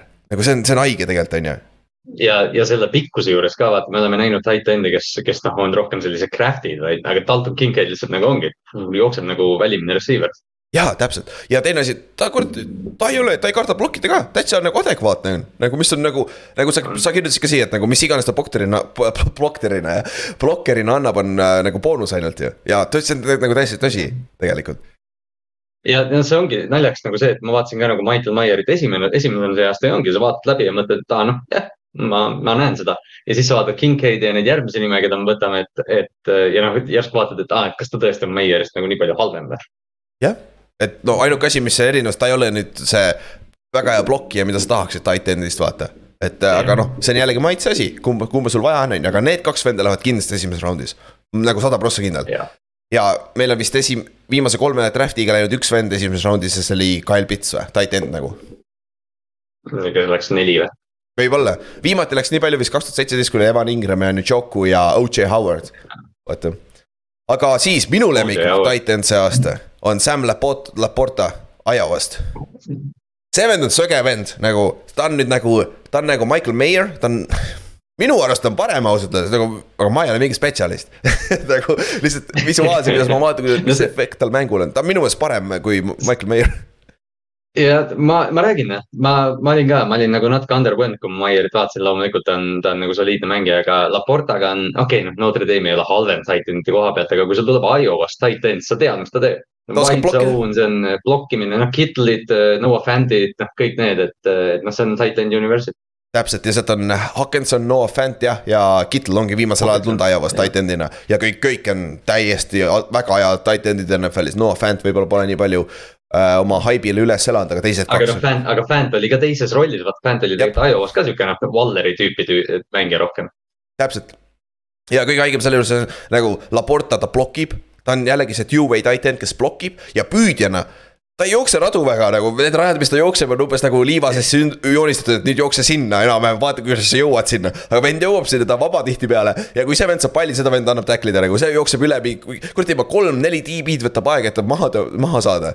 mis on nagu lahe vaadata lihtsalt nagu old school vaata et.... Need tight end on äh, kolledžis minu arust nii lahe vaadata, sest tõesti, okei okay,, noh, Kyle Pitts oli teistmoodi, sest sa vaatasid seda venda nagu mingit unicorn'i, aga vaatadki Laportat, äh, Kincaidi, Musgrave'i, keda kõike, et, äh, et noh see, kuidas nad, kui nad secondary'sse pääsevad, siis sul on vaja kahte või kolme venda enda jaoks. täpselt, ja ta jooksis teiseks, teiseks kõige kiirema neljakümne jaardi ajaga põhimõtteliselt või noh, oleneb jah, seal on rohkem titan'e, kes meil siin kirjas on, meil on siin top kümme on ju. et, et nagu mega, tal on niisugune sneaky kiirus ka, et see on ka üks nimi, kes võib esimese raundi lõppu sneak ida, aga ma kardan. ainuke võimalus, kuidas ta esimese raundi lõppu jõuab, on siis, kui neid Meyer ja äh, Kincaid lähevad varem ära, vaata. et, äh, sest noh, selle Laportaga ongi nagu see, et äh, vaata. Backers võttis paar aastat tagasi selle Josiah de Guara, sellise Jordan Love'i trade, kus või see trahv, kus, kus noh. kas, kas ta on midagi muud kui H-back? Ja, ja kui suur väärtus sellel on. aga, aga noh, jällegi selle positsiooni jaoks ideaalis ta on võib-olla kõige parem siin. jah, et, et, et see, see on jällegi, see on skeemi asi ka, et kuhu nad sobivad täpselt, sest tight end on sihuke nagu kuradi multifunktsionaalne positsioon tänapäeva NFL-is. et äh, see, seal on huvitav ja siis järgmine mängija, kes võib ka esimese raundi lõppu sniikida, on äh, Luke Musgrave Oregon State'ist. aga nüüd ta on nagu, ta on nagu halvem Dalton Kincaid, et ta on samasugune nagu ta on füüsiline friik. et, et nagu räigelt kiire, ta on räigelt suur liigub väga hästi, aga kuradi ma äh,, väga ta, väga ta ei bloki. natuke palju troppe on ka, see on probleem.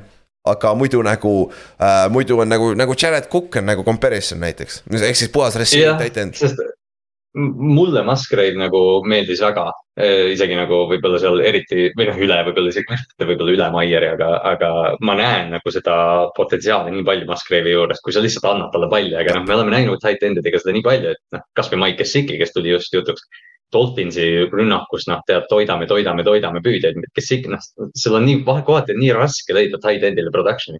ja, ja tal on jällegi oluline, kuhu skeemi ta läheb ja jälle ja, ja kas ta suudab seda sammu edasi teha, sest ta potentsiaalselt ja ta võib selle draft'i kõige parem tight end olla lõpuks. aga noh, lihtsalt tal on nii palju vaata if'e, see on potentsiaal, vaata, sa ei tea, mis ta praegu, praegu ta ei ole nii hea, on ju aga noh, siis tema kõrval on siis veel siuksed huvitavad nimed nagu Darnell Washington, kes on Georgiast, on kuus, kuus pikk. kuskil ta oli kuus-seitse, kuskil ta oli kuus-kaheksa pikk, ehk siis ta on kahe meetri lähedal, tight end kuus-seitse ja, ja noh, hooaja jooksul kolledžis öeldi, et ta mängis kahesaja seitsmekümne poundi juures, et combine'iks ta oli kohe kakssada kuuskümmend neli alla võtnud, et noh, see on suur mees. ja ta run blocking on väga okei okay., ta on nagu, ta on nagu reaalselt ekstra lüün, liinimees, kui sa paned ta äh, run block ima. ta radu ta ei oska samamoodi joosta, aga ta saab vaba, kui ta saab palli, ta on päris, päris solid tegelikult ta on kõige noorem titan ka sellest top kümnest vähemalt kakskümmend üks, et äh, jah, ta on äh, noh, Mercedes Lewis on nagu kõige lihtsam comparison, mis üldse teha saad, et, et kui ta run blocker on ja mingi corner või safety, siis need teab, tal on mõned play'd, kus ta lihtsalt jookseb neile otsa ja lihtsalt sa näed, et ta on bully pool, lihtsalt noh, et ta tahab, tahab nagu haiget teha neile ja, ja siis räigelt lahe vaadata teda ka, et, et selle koha pealt mm. see, ta liigub, tal on kõik füüsilised näitajad olemas, nüüd kas NFL-is suudetakse talle õpetada see tree ja see passing kom-. Need kuradi rajad ära kõik, et tast oleks ka nagu receiving threat, vaata, sest noh, Mercedes Lewis on hea blokkija küll, aga sa pole tähele teda jah, sest noh, Georgias ta ei olnud, ta ei olnud, sest seal on ju see appi, kes neil see järgmine aasta tuleb välja ju see. See parem titan, mis iganes ta nimi on, ma ei mäletagi äh,. et, et noh, Darnell Washington ei, ei mänginud nagu otseselt titan'i Georgias tegelikult, samamoodi oli sihuke H-back, aga, aga lihtsalt see füüsiline, kuna ta suudab, noh, ta on, ta on nagu defensive end põhimõtteliselt. jah, see on, see on, see on hea point kusjuures, et, et noh, siin on ta on jällegi sihuke, kes peaks olema two-way titan, kes suudab blokkida ja püüda NFL-is, aga ta on teise, teise-kolmanda raundi pikk. Et esimesse raundi, ma arvan, ta sisse ei tule. ja noh, siis üks nimi veel on Tyler, Tyler Craft on ju näiteks, kes on samamoodi suur, kuus-neli pikk, kakssada viiskümmend poundi, mis on nagu väga-väga hea suurus titan'i jaoks ja, aga noh, ta on samasugune nagu Laporta või siis äh, Meier, aga ta on lihtsalt füüsiliselt natukene halvem ja ta mängis ka FCS-is, ta mängis äh, South Dakota State'is vist või? jah, et et see tase ka vaata ei olnud väga hea te, tema jaoks, et see tõmbab ta alla. Jah, see kõik, kõik oli, noh, see ongi täpselt see, noh, sa ütlesid Laporta või Meier, võta kes iganes neist esimese raundi vendadest ja noh, lihtsalt keera see nupp kümne pealt kaheksa peale, et see on Tucker Craft, kes noh, kui läheb õigesse olukorda, vaevalt, et ta pro bowler on, aga nelisada jaardi, miks mitte ja kindlasti ja kui mitte isegi rohkem, ta võib seal viie-kuue, Robert Tanjani moodi efektis ka mingi kuni, kuni kuussada jaardi hooaja peal, mis on ka väga solid nagu et, et aga, aga mitte mingi game changer ta ei ole, on ju. Aga noh, kui me räägime nüüd, kuhu meeskondadesse need titan'id või receiver'id minna võiks. no receiver'id võib minna ükskõik mis meeskonda, ütle mulle üks meeskond, kellel ei ole receiver'it vaja äh, ma, oota, ma kellegi jätsin siit listist välja puhtalt sellepärast, et aitab neile, aga ma ei mäleta enam. Dolphins. Denverit ma ei pannud, sest, sest jah, Dolphins oli ja, ja vist Eagles ka. ja Eagles ka, Bengals Titan oleks neil väga, mitte ilmtingimata vaja, aga see oleks päris hea luxury. teine asi, Higginsil on viimane aasta, kas nad suudavad talle maksta, võib-olla neil on vaja uut number kaks receiver'it, odavamat. et esimese raundi lõpus kusjuures, kui Bengalsi, kui keegi kukub receiver itest sinna. Bengalsi võib väga potentsiaalselt võtta sealt receiver'i endale ja ma arvan, et Bengals on, äh, noh, neil oleks kindlasti kaitses vaja ka nagu mingit äh, pingemaa sellise brändiga mängijat võib-olla või kedagi, kes nagu playmaker rohkem on, aga.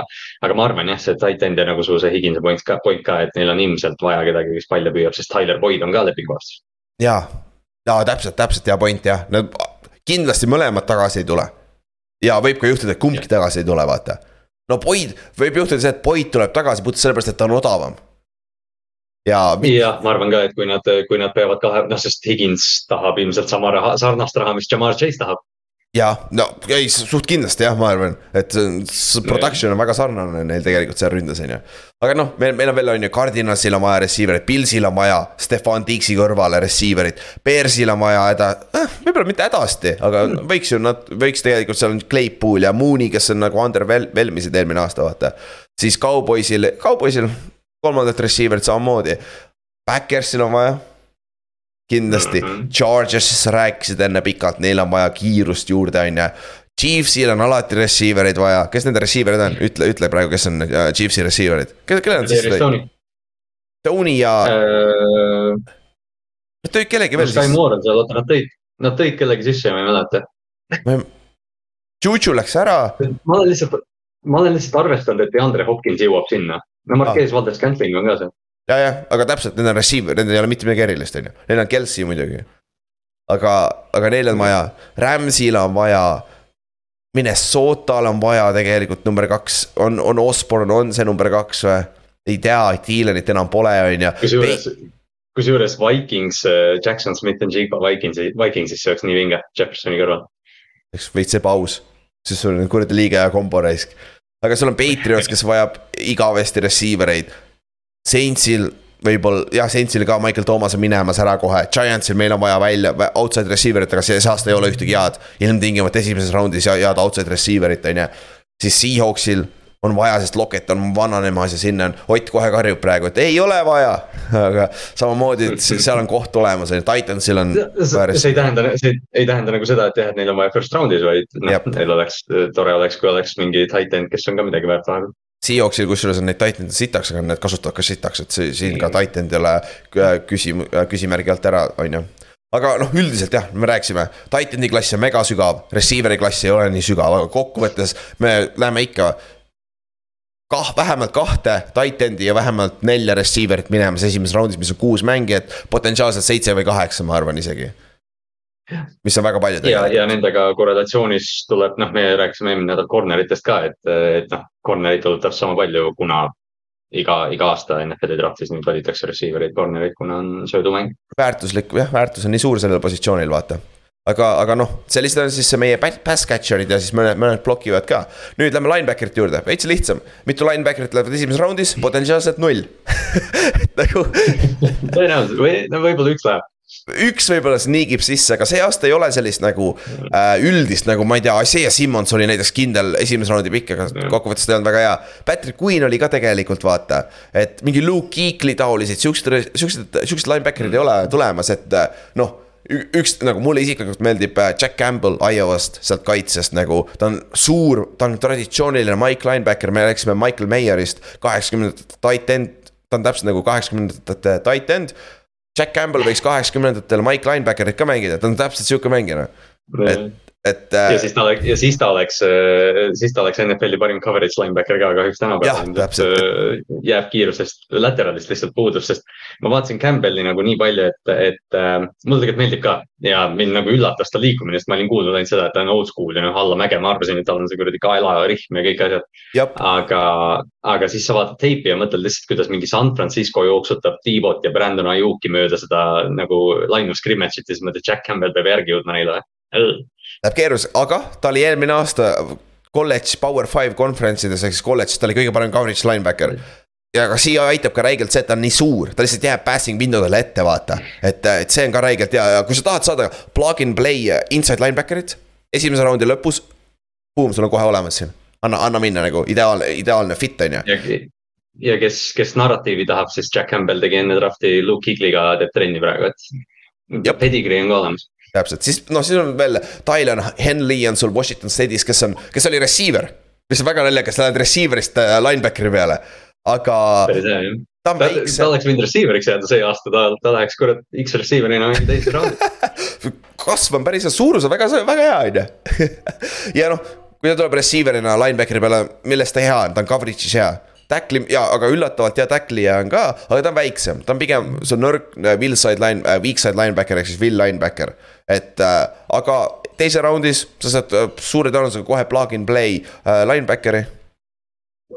Ja ta on sihuke noh, spetsialist, et, et noh, timebacker ka samamoodi, et või noh, et kui, kui ta suudab seda slot'i nagu piisavalt katta, sest noh, igas kaitses on sellist kutti jälle vaja, lihtsalt noh, ta ei ole see jälle see klassikaline linebacker, kes sul silme ees võib-olla on, kes on pigem Jack Campbell võib-olla täpselt. Ja siis järgmine linebacker on Drew Sanders, kes on ka huvitav, ta ei mänginud ka linebackeri alguses, kui ta tuli kolledžisse, ta oli hoopis defensive end Alabamas. siis ta läks viimane aasta läks Arkansasesse ja mängis inside linebacker'it, off the ball linebacker'it, mis on väga erinev positsioon tegelikult, mitte nii erinev kui receiver'ist linebackeri peale minna. aga ikkagi, see on päris, päris, päris suur muudatus. Ja ühe aastaga ta mängis kuradi hästi tegelikult, teades, teades, et ta ainult ühe aasta mängis, et tal on kõik nagu awareness on nagu äh, olemas, et ta saab aru mängust, on ju, ja, ja ta on füüsiliselt suur, ta võib mängida Mike Linebackerit, ta on kuus-neli, sihuke natuke kergevõitu, aga noh, tänapäeval see Mike Linebacker ei peagi olema kakssada viiskümmend ilm, ilmtingimata, on ju.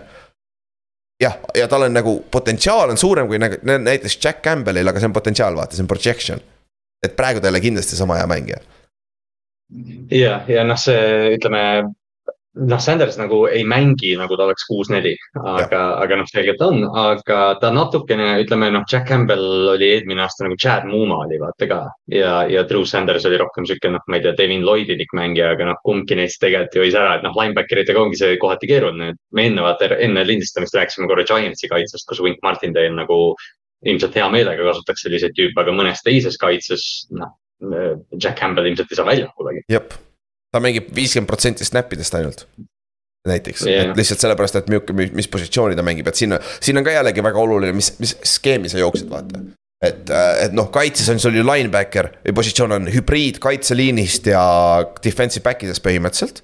ja ründes on sul ju äh, tight end on hübriid püüdjatest ja ründeliinist, vaata. ja need kaks positsiooni on väga skeemi spetsiifilised, mis sul vaja on see ongi jah, ja, ja noh, need, need aastad, mida, mis isegi meie tead, vaatasime NFL-i, et noh, me, me teadsime Trey Lewis ja Luke Kuechly ja Patrick Willis, et noh, see linebacker kannab seda kaitset, noh, ainsad linebacker'id, kes seda praegu NFL-is teevad, võib-olla on Fred Warner ja noh, Roquan Smith vähesemal määral. aga, aga noh, see on ka pigem see, et noh, tead, Ninersil on kaitseliin ja Ravensil on secondary ja kõik muu, et, et noh, linebacker üksi nagu teeb vähe, aga kui su kaitses on aga kui sul ei ole head linebacker'id, noh, Giantsi fänn sa tead väga hästi, Buffalo fännid teavad seda päris hästi, et noh, see linebackeri koht peab sul kaetud olema. Ja sul peavad adekvaatsed vennad olema seal, aga ründ-, kaitseliin saab seda aidata ja defensive secondary saab ka seda positsiooni aidata ja üks nimi veel, millel silma peal hoida on Trenton Simpson on ju, ta on nüüd jällegi nagu äh, Tylen Henley, ta on sihuke väiksem linebacker. ja räigelt kiire, jooksis neli, neli, kolm, mis on kuradi nelikümmend jaardi, mis on nagu receiver'i kiirus. ja ta on räigelt hea mees, mees tight end'ide vastu, kui sul on vaja sellist äh, Ovusu Koromaa oli väga hea comparison, mis sa panid siia, et nagu ta on sihuke. natuke liiga väike, et mängida ilmtingimata kogu aeg box'is äh, nagu NFL-is iga down aga kurat, kui on söödudownidel, äh, kus, kus vastasmeeskond peab viskama, ta on väga hea kuradi oma addition skeemidesse yeah., kaitsesse ja, ja eelmise aasta lõpus puhtalt selle nagu Kyle Hamiltoni näite pealt, kuna ma Baltimoori vaatan, siis äh, noh, hooaja lõpus, noh. temaga on see probleem ilmselt, et sa pead selle positsiooni leidma, mis noh, me oleme ka Arizonat naernud, et nad võtsid Simmonsi ja Saban Collinsi ja nad ei leidnud kummalegi positsiooni. et, et noh, sa loodad, et Trenton Simson samamoodi nagu see Henley lähevad nagu meeskonda, kus on mingi sihuke natuke innovatiivsem kaitsekoordinaator, kes suudab meile välja mõelda mingi rolli jaa, täpselt, et, et see saab olema nagu huvitav, aga jällegi ta on teise-kolmanda raundi pikk kindlasti. Drew Sanders on teise-kolmanda raundi pikk. aga samas, kurat, kes see Washingtoni, Zack, mis see äh,, mitte Washington, kes see Cardinalisse läks esimeses raundis üle-eelmine aasta või? see uh, Collins. Saban, Saban Collins. Saban Collins mm, -hmm. noh, see oli ka üllatus, ta pidi ka olema nagu, tundus, et pigem teise-kolmanda raundi mehed ja ta on olnud, nagu näha, see oli viga siiamaani olnud yeah et, et.... ta läks, ta oli vist kuus, kuusteist pikku, ma ei eksi, et noh, see ongi, et linebacker, noh, me räägime sellest väärtusest, noh, linebacker on kaitse running back põhimõtteliselt mm, -hmm. aga, aga noh, sul on vaja ühte venda vähemalt ja, ja noh, sul on Jack Campbell on potentsiaalselt, isegi Dalen Henley on potentsiaalselt kaks venda, kes esimeses raundis lähevad. et aga mõlemad on suht plug and play, saad kohe vastavalt sellele, mis, mis sa kaitses täpselt teed, mis su skeem on. aga ta peaksid kohe efekti äh, nagu difference maker'id olema su kaitses ka. ja teises raundis sa saad endale paganama äh,, paganama Drew Sandersi või saad siis Trenton Simpsoni, nad peaks ka tegelikult olema plug and play vennad, aga lihtsalt see linebackeri positsiooni väärtus on nii madalal, vaata naljaks on see, et nad on nagu noh, ongi, et Campbell ja Sanders on sarnased ja siis Henley ja Trenton Simpson on sarnased, et, et noh, kaks erinevat stiili, aga nagu noh, kumb on see odavam bränd täpselt, täpselt, seda küll jah. siis, äh, mis meeskondadel on linebacker'it vaja? Pilsil on vaja nüüd, sest et Pilsil kaotas, äh, kaotasid ju Tremont, äh, Edmondsi, aga Matt Milano on olemas veel. Neil on sellist suuremat Milano vaja sinna. aga okei okay,, küsimus. kui Jack Campbell on olemas, mis pikk neil on, oota ma kohe vaatan, kakskümmend viis või? Kakskümmend viis vist oli jah. jah, ütle ja kakskümmend viis, ütleme Jack Campbell on olemas ja sul on ka olemas äh,. ütleme, et sul on olemas Jordan Addison ja sul on olemas ka Say Flowers receiver'i koha pealt. kumma sa võtad mm. Pilsina seal, sest sul on mõlemad niidid, vaata tegelikult. jah ja need on, need on täpselt nimed ka, ma, ma nagu lootsin, et sa ütled Jackson Smith and Jigba ja see oleks lihtsam olnud aga.... ja, ma tean, no Jalen Hyatt on ka arvatavasti olemas, võib-olla sobiks ka paremini sinna Tiiksi yeah. kõrvale, on ju, ütleme need kolm, on ju.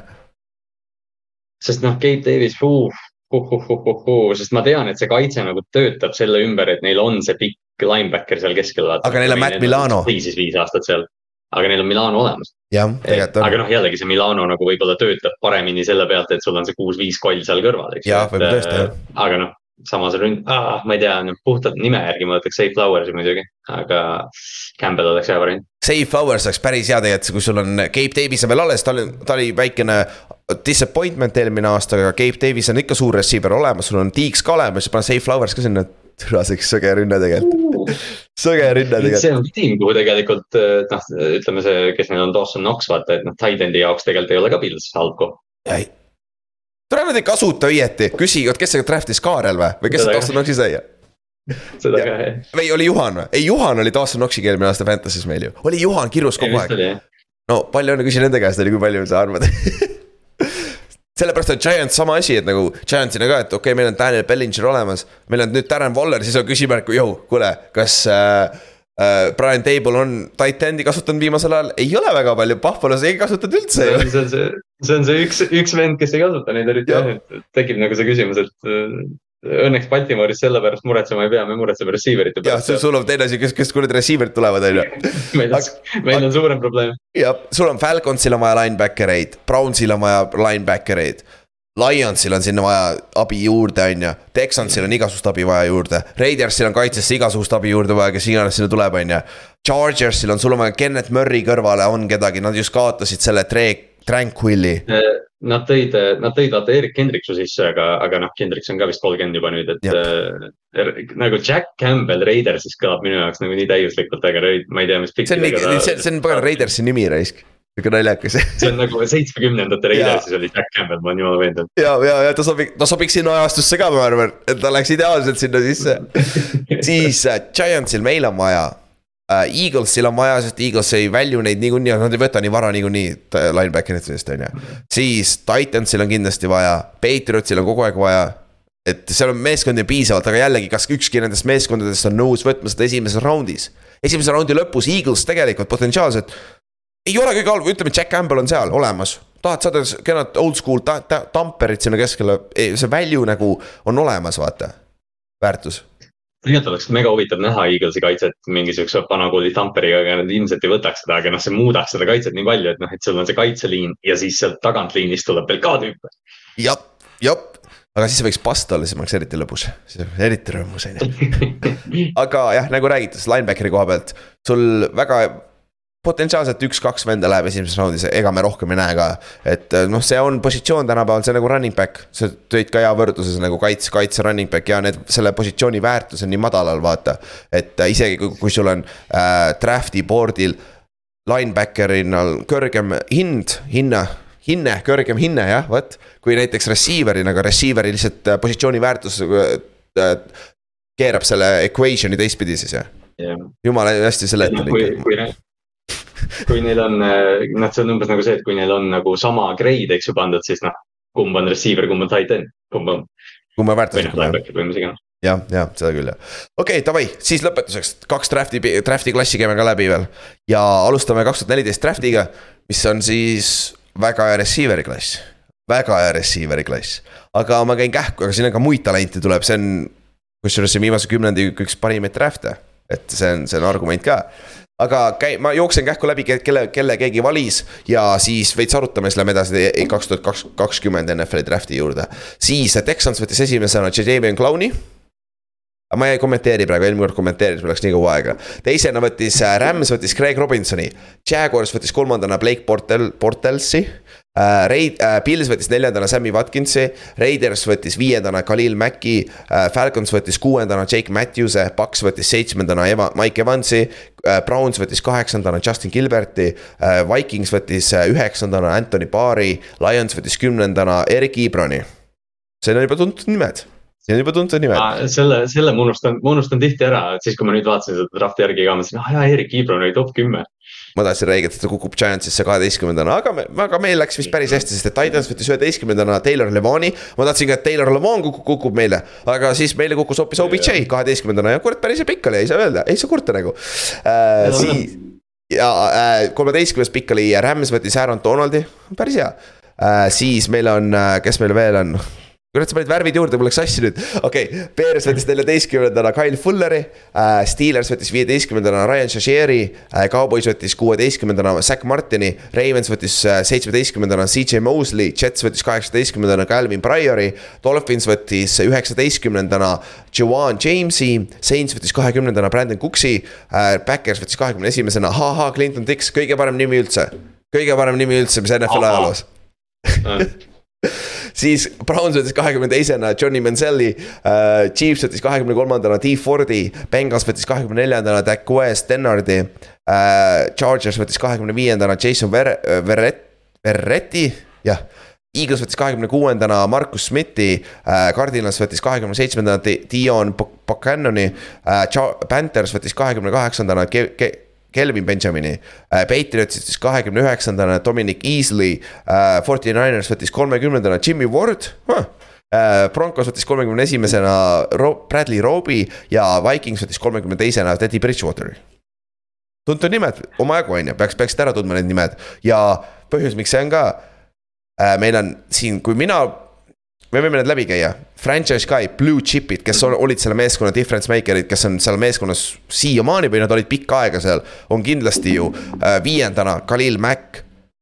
kuuendana, kas isegi Jake Matthews'i saad sinna alla panna või? Left tackle Falcons. ma, ma just mõtlesin, ma just mõtlesin ka Matthews'i peale, sest ta oli pikka aega seal, ma paneks. siiamaani, jah.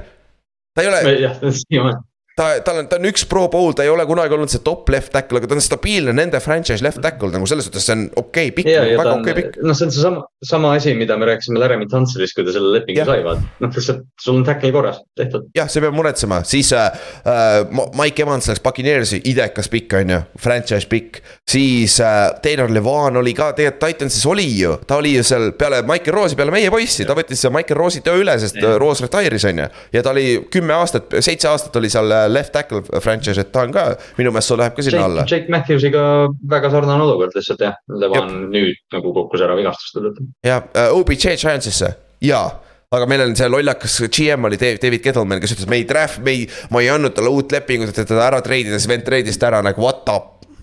jah, pistab Le. legendaarne Baltimore Raven, Odell Beckham. jah Aaron Donald, pole isegi küsimust, on ju uh,. siis meil on veel Zack Martin, pole küsimustki, Zack Martin on olnud üheksa aastat NFL-is, ta on kaheksa korda pro bowl'il olnud ja kaheksa korda first team all pro. või uh, all, all pro team, sorry, ehk siis väga stabiilne ja, ja, ja Ravens võttis CJ Mosley, teil ei olnud raha, et talle, te ei väärtusta üldse oma venda minu meelest, te lasete kõikidel minna. ei, no Mosely'ga oli see probleem, et äh, ma mäletan nagu selgelt seda, et ma üks õhtul äh,, sellega oli see, et Jets andis talle kaheksateist milli ajal, kui linebacker'id olid kaksteist ja siis oligi see, et Baltimore tahtis nii väga teda tagasi, aga nad ei olnud, nad ei läinud üle kolmeteist miljoni. aga see oli juba nagu, et noh, see oli kõige parem pakkumine ja siis Jets tuli kaheksateistkümnega. ma mäletan, see oli Mosley free agent, see oli hästi ma siiamaani igatsen CJ Mosley't seal kaitses tegelikult, aga aga temaga oli, ma läksin Instagrami üks mingi suvaõhtu ja CJ Mosley käib Baltimoori tänavatel ringi, noh selgelt juua, no juua täis, selgelt. ja siis äh, räägib Instagramis seal, et noh, et ei, ma ei tea, öelge tiimile, et nad mulle maksaksid, te kirjutate mulle, ei, mina pole midagi teinud, et noh. tüüp tahtis ise ka nii väga sealt tagasi olla, aga noh. ta pidi olema ju Ray Lewis'e mantlipärija ju. ja oligi noh natuke Jab. aega oli, et äh, Mosley, siiamaani ma väga nagu hindan teda jah, et ta on nüüd noh, paar sammu kaotanud, aga hitib samamoodi Jetsis. jah, jah, oli Covidi pärast ei mänginud aasta aega, tuli tagasi, mängis ikka samamoodi, mis on väga, väga üllatav tegelikult. sest tema vanuse kohta ja positsiooni kohta ka, mis tähendas kokku, et me saime kaheksa franchise guy'd, mis on siis kolmekümne kahest pikist. üks neljandik, mis on väga kuradima hea, kui vaadates neid kahte eelmist draft'i, mis me oleme teinud nagu seal ühe, kaks tuhat kolmteist oli ainult kaks venda nagu, nagu see vahe. ja nagu päris... ja siin ja siin neid nagu safe pick'e või neid loogilisi pick'e oli rohkem, noh Clowni, Clowni esimene pick oli selge, Sammy Watkins oli Jop. neljas pick, see oli nagu selge, et need tüübid on, aga noh. NFL tihtipeale on see, et Davante Adams teisest raundist tuli, on selle klassi kõige parem receiver ja siis tuligi teisest raundist tuligi Davante, Allan Robinson, Jarvis Landry tuli. Derek Carr tuli teisest raundist, Marcus Lawrence, Cowboysi defensive end tuli siit. Devonta Freeman, Falconsi jooksja tuli, Corey Linsley, Backersis, Backersi vana äh, pro bowl center, nüüd ta on Chargersis. ja siis Shaq Barrett oli undrafted üldse, kes oli superbowli MVP potentsiaalselt Paxi äh, eest, on ju. Malcolm Butler, Patriotsil oligi superbowli MVP, oleks pidanud olema Andy Brady'l on ju, kes, kellel oli see interception on ju, samal aastal ka veel ei olnud samal aastal. ei oli ikka, jaa, kaks tuhat neliteist oli ju, jaa, rookie aasta oli rookie. see oli, see oli rookie vist jah, see oligi, noh, see, see tegigi selle loo nii imeliseks, ta oli undrafted rookie. jah, ja kokkuvõttes ja kui me räägime bustidest siin draft'is, me lugesime kokku üheksa bust'i. ehk siis sama palju kui franchise, mis on väga ajas on alla kümne, sest eelmistel aastatel äh,, aastatel oli üle kümne kõik olnud, et noh, see näitabki ära jällegi, et bust'e on ka ikka üle kümne, mis üks kolmandik umbes on bust'id. esimesest raundist tegelikult vaata et, et see, see noh, kaks tuhat neliteist aastat. siin klassis annab, Cleveland annab siin, kannab siin draft klassis eriti vasti seda laeva edasi. Clevelandil oli kaks pikki esimeses raundis, kaheksandana nad võtsid endale äh, Justin Gilberti ja kahekümne teisena nad võtsid endale Johnny Manzielli. pidid saama franchise quarterback'i ja franchise cornerback'i. Johnny Manziel oli äh, NFL-is kaks aastat ja Justin Gilbert oli ka kaks aastat või? Gilbert ei olnud kauem. kolm aastat oli, jah, ta oli kolm aastat yeah et Browns üksi teeb selle ära, sellepärast nad läksid null ja kuusteist siin. Sest me eelmine nädal rääkisime corner'itest, vaata see oli see mm, Emmanuel Forbes või, kes oli vaata playmaker, kellest me rääkisime. ja siis, ja siis noh, kui ma teda vaatasin, siis ma lihtsalt hoidsin nagu, et ei, ei, ta ei ole Justin Gilbert, ta on Markus Peters. Aga nagu ma ei tea, sarnane ja see, ja sa, ma mäletan, sa ütlesid Justin Gilbertit tõid välja eelmine kord või üle-eelmine mingi paar episoodi tagasi, ma, kui ma seda kirjutasin, mõtlesin ka. aa, see on see, see Justin Gilbert raisk, tuli, tuli, paneb kokku lõpuks. sest ma lihtsalt, ma lihtsalt mäletan, ma olin, ma olin nagu nii pettunud, sest see oli üks esimesi draft'e, kus ma nagu tõesti ise ka jälgisin, ahah, Clinton Dix oli mu lemmikmängija seal, aga õnnestus võtsin mulda aga, aga Gilbert mulle meeldis retsilt ja siis ta tuli NFL-i ja lihtsalt ta ei, noh, ta oligi, elas lihtsalt playmaker'i pealt ja NFL-is aknad olid kitsamad ja palli, pall lendas kiiremini. no pole hullu, Rams võttis teisena Greg Robinsoni, kes on üks suuremaid paste NFL-i ajaloos. Tacklina, nagu täielik absoluutne past, et äh, see noh, ja Jaguars võttis Blake Bortlesi kellel oli üks hea aasta ja kõik sinna läks ka franchise quarterback, aga see oli, see oli receiver'i rikas klass. sul on siin üks, kaks, kolm, neli, vii-, ei oota. miks sul Anthony Baar värviline on ah,, kelle sa värviliseks tegid? ta on laim, ma tegin meie tänased positsioonid. täna, tänased positsioonid, okei okay,, siis hakkab loogiline, sul on esimeses raundis üks, kaks, kolm, neli, viis, viis receiver'it. ja nendest Sammy Watkins oli esimene ja potentsiaalselt kõige, kõige halvema karjääriga, okei okay,, Kelvin Benjamin oli hullem esimese raundi lõpus. esimese, esimese raundi algus ja lõpp läks lappesse aga siin keskel on sul. jah, aga seal vahepeal, vahepeal olid päris head pikid jah, et Mike Evans on siiamaani või noh, Evans on selles klassis ju, ta on mingi seitse-kaheksa aastat järjest äh, tuhande jaardise hooaja teinud. algusest saadik vist, rookie aastast saadik, kui ma ei eksi. no nullist, nullist peale jah, ja noh, rääkimata siis Davante teises raundis koos Allan Robinsoni ja Jarvis Landry'ga, et äh, see oli jah, see üks esimesi klasse, mis nagu muutis seda wide receiver'i narratiivi, et enne seda oli noh, receiver ei olnud nii oluline, siis tulid Odellid ja noh, tõelised game breaker'id tulid NFL-i järsku täpselt ja noh, linebackeri koha pealt ka vaata, kui palju, sul on Anthony Barr linebacker, Ryan Zashier, CJ Mosley linebacker esimeses raundis. Marcus Smith veel linebacker, kes oli past. Eh, kolm, neli linebacker'it esimeses raundis. tänapäeval sa enam ei näe seda, nagu see mäng on jällegi muutunud, see on passing liiga vaata rohkem, kuigi me hakkame vaikselt jooksu, jooksu poole tagasi vist liikuma natukene, et see eh, söötmise tipp oli mingi kahe, kahe, kolme aasta tagune aeg umbes no see, see jah, see Chiefs Rams Monday night mäng vist on see, jah, see murdepunkt jep, et, et selle koha pealt see on noh, äh, see on huvitav ja ka aga titan'i pealt, Erik Ibron läks kümnendana, ma räigelt tahtsin, et ta Giantsisse kukub nagu räigelt, aga ei kukkunud, jumal tänatud, et ei kukkunud. ja rohkem ei olnud ka sul siin, et äh, see titan ei ole niikuinii ajalooliselt ka väga palju esimeses raundis läinud. jah, ja nal-, naljakas, kuidas Lions ju võttis Hawkinsoni vist ka kümnenda pikiga või, üheksanda. üheksa, ja seesama, see top kümme ja Giants oli samamoodi seal, ma mõtlesin ka palun, palun, palun, palun, palun, palun, palun, aga jah, ei Äh, aga davai, lähme kakskümmend kakskümmend draft'i juurde, see on kõige lä lähedasem draft, kuhu me saame minna, sest siin me saame enam-vähem hinnata juba, kes on bastid ja kes ei ole olnud, et. Et nad on kõik juba kolm aastat NFL-is olnud. kuule, meil on mõned vennad siin, kes enam ei ole NFL-is põhimõtteliselt, et, et. jah, erinevatel põhjustel. jah, et siin on väga-väga kurvad mängid, aga davai, ma käin kähku läbi, kes meil siit võeti. see oli siis quarterback'i rikas draft, esimene pikk oli Joe Burrow Äh, Bengalsisse, teine pikk oli Chase Young Commandersisse, kolmas pikk oli Jeff Okuda Lionsisse, neljas pikk oli Andrew Thomas Giantsisse. Duo äh, oli viiendana läks Dolphinsisse, Justin Herbert läks kuuendana Chargersisse, seitsmendana läks Derek Brown Panthersisse, kaheksandana läks Isaiah Simmons Cardinalsi.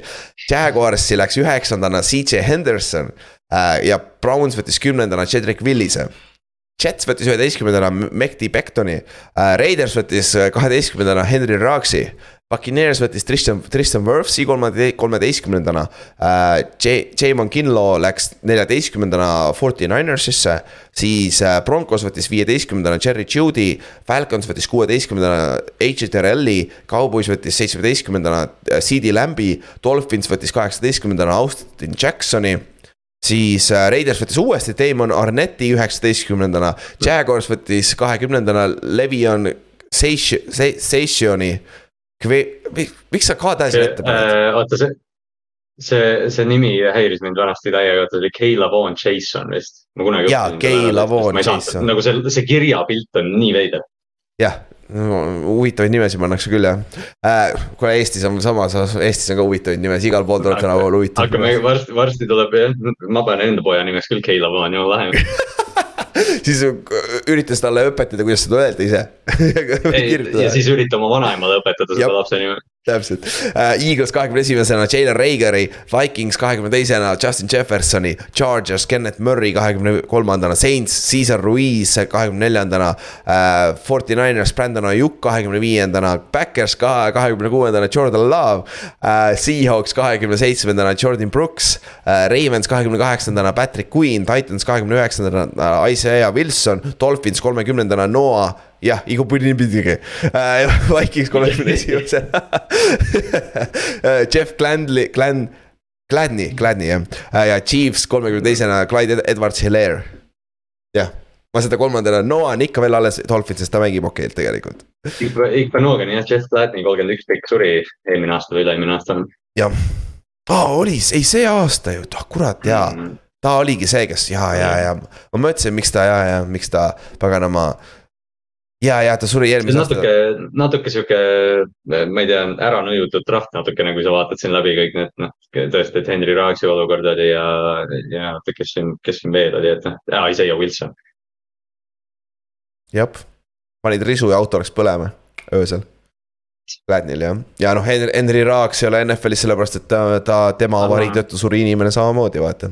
et ja te, ja noh äh, Arnett on ju, kes, kes, kes Raiders võttis ta, kus ta on nüüd äh,? Damon Arnett, üheksateistkümnendana, ta tegi ka lollusi off the field, mille pärast Raiders ta lahti lasi põhimõtteliselt, vaata et.... Äh, tegi, tegi Ja Moranti. jah, tegi jah, tegi jah, Ja, Ja Moranti enne Ja Moranti on ju. He is the best shooter of all time noh et äh, aga siin kõige suurem take away sellest draft'is oli see, et Eagles võttis kahekümne esimesena Jalen Reagari ja Vikings võttis kohe tema järgi Justin Jeffersoni.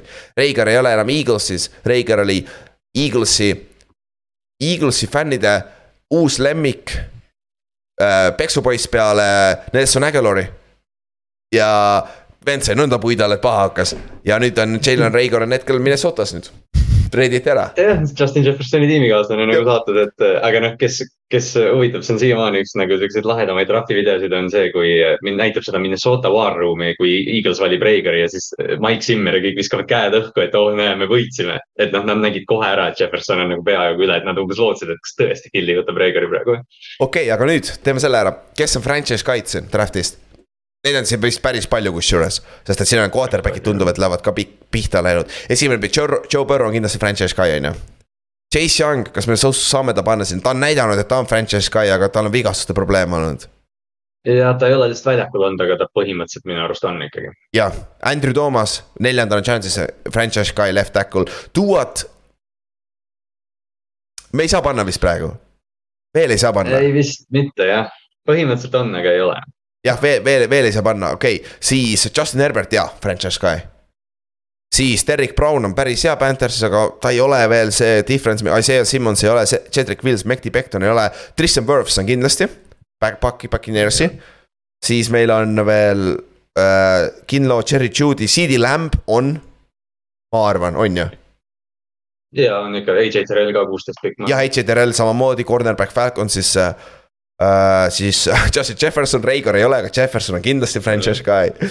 ja siin on veel uh, siis uh, Brandon Ojuk, Jordan, Jordan Love võib-olla varsti Jordan Love, ma mõtlesin ka, ma mõtlesin ka uh,. Ott ütleks Jordan Brooks, aga ma ei, ta ei ole sihuke difference maker, ta on solid mängija, aga ta ja. ei ole nagu kuradi ma.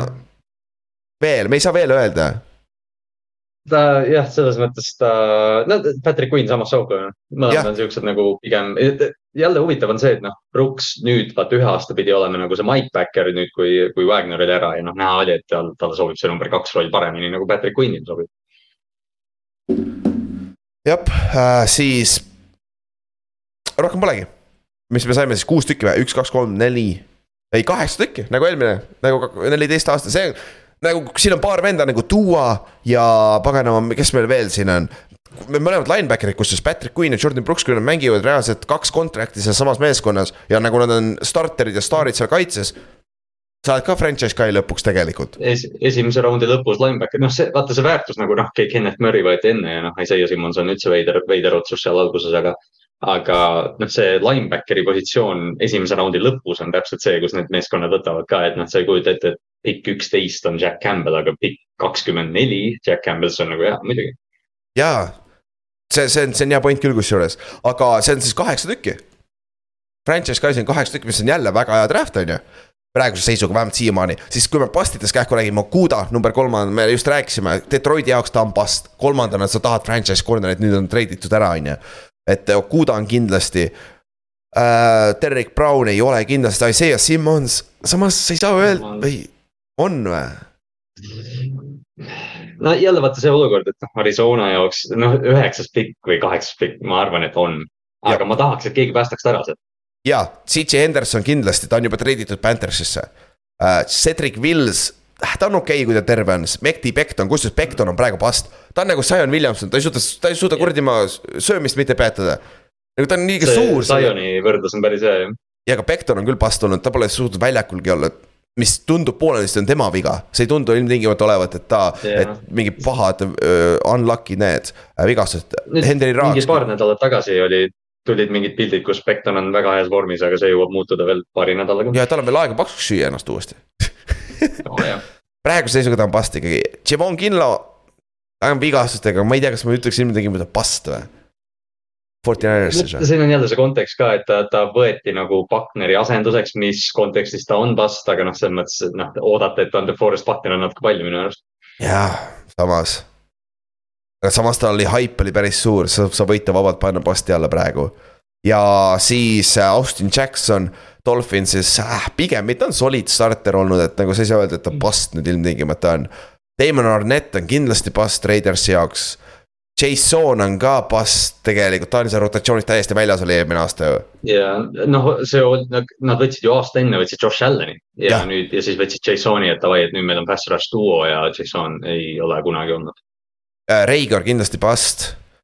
Kenneth Murray, solid linebacker, ütleme kirjas, Cesar, Cesar Ruiz on solid center, Brandon Ojuk on okei okay.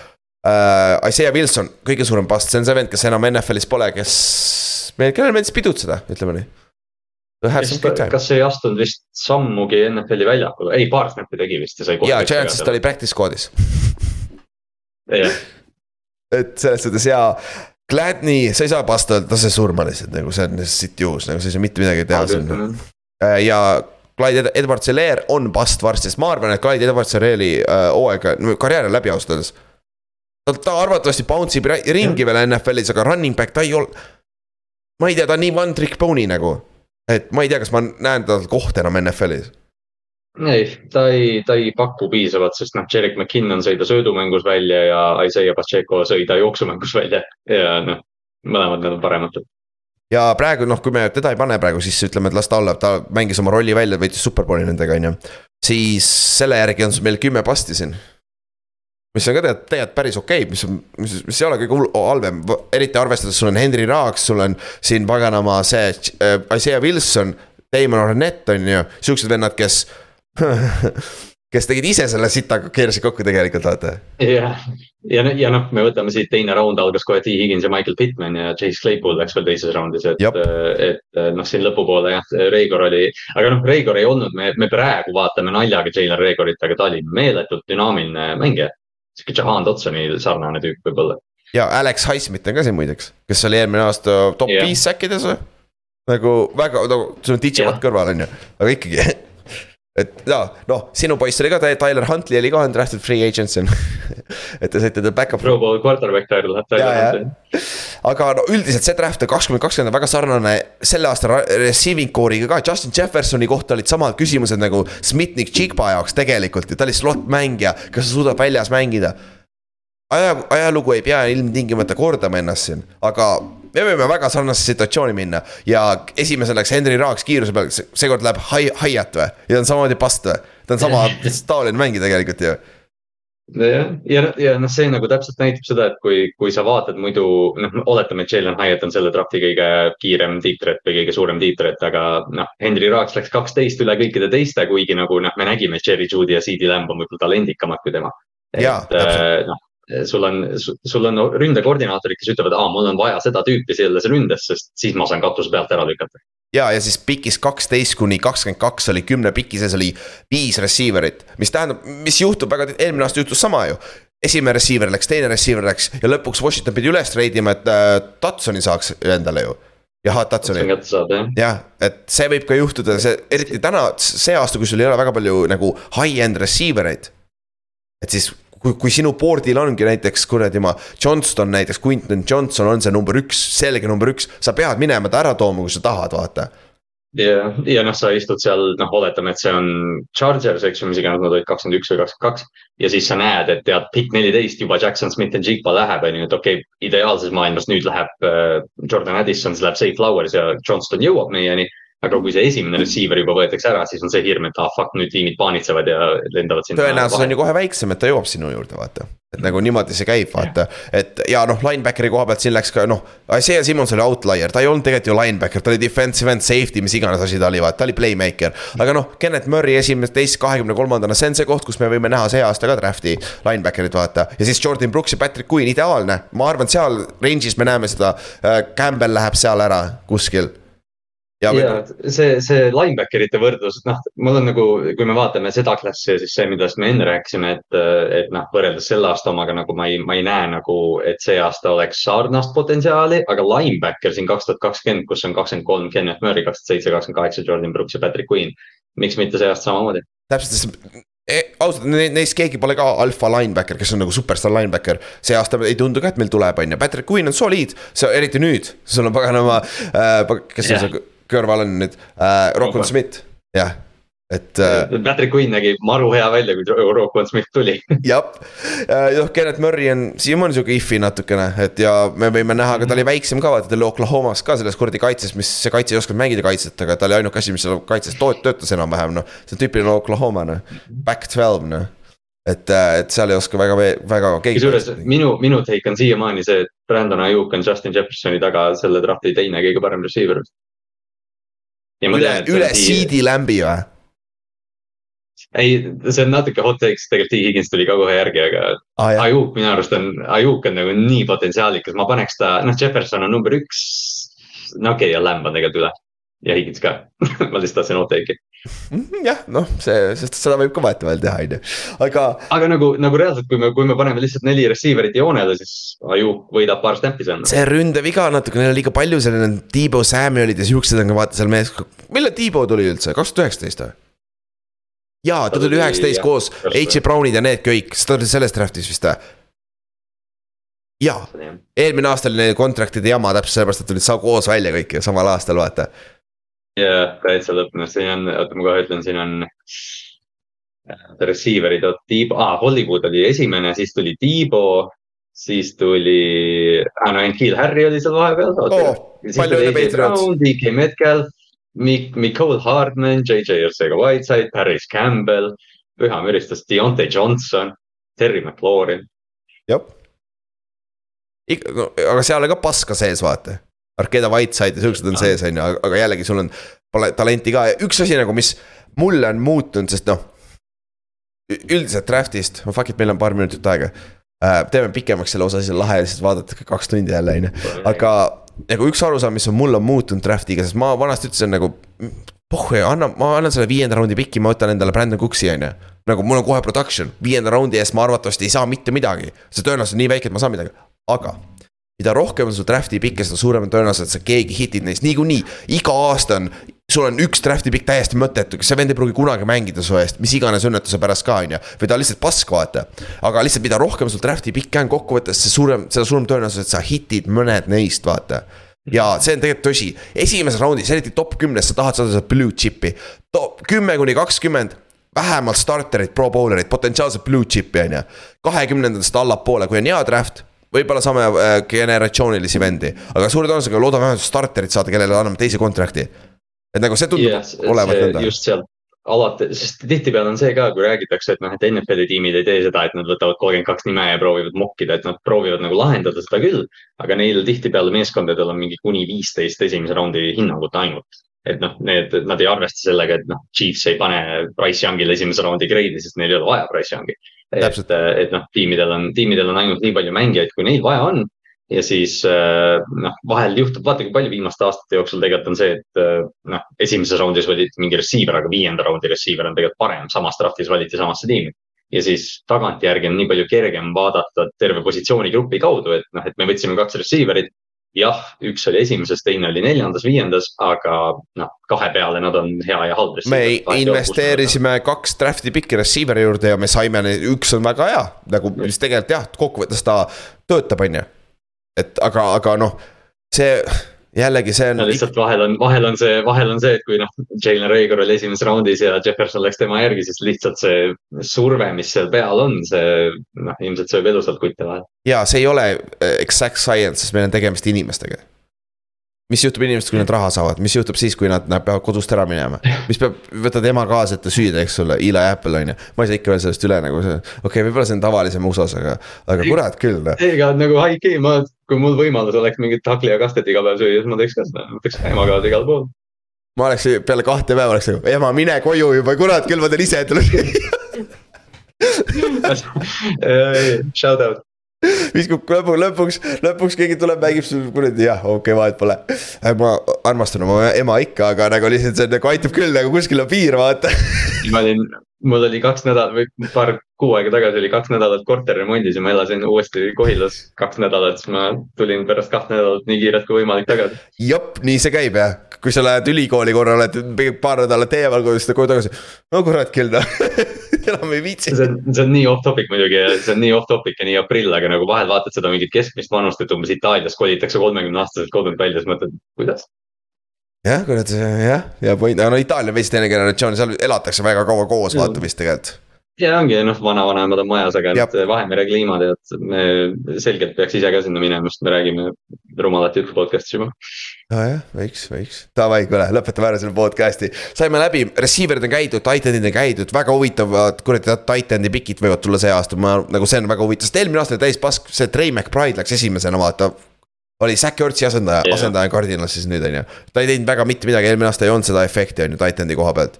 aga see aasta on väga head Titan'id kohal see väljend Zack Ertzi asendus on nagu lihtsalt, no ärme tee seda väidetavalt vähemalt niimoodi see oli, aga jah, see, see on hea point küll jah, aga, aga jah.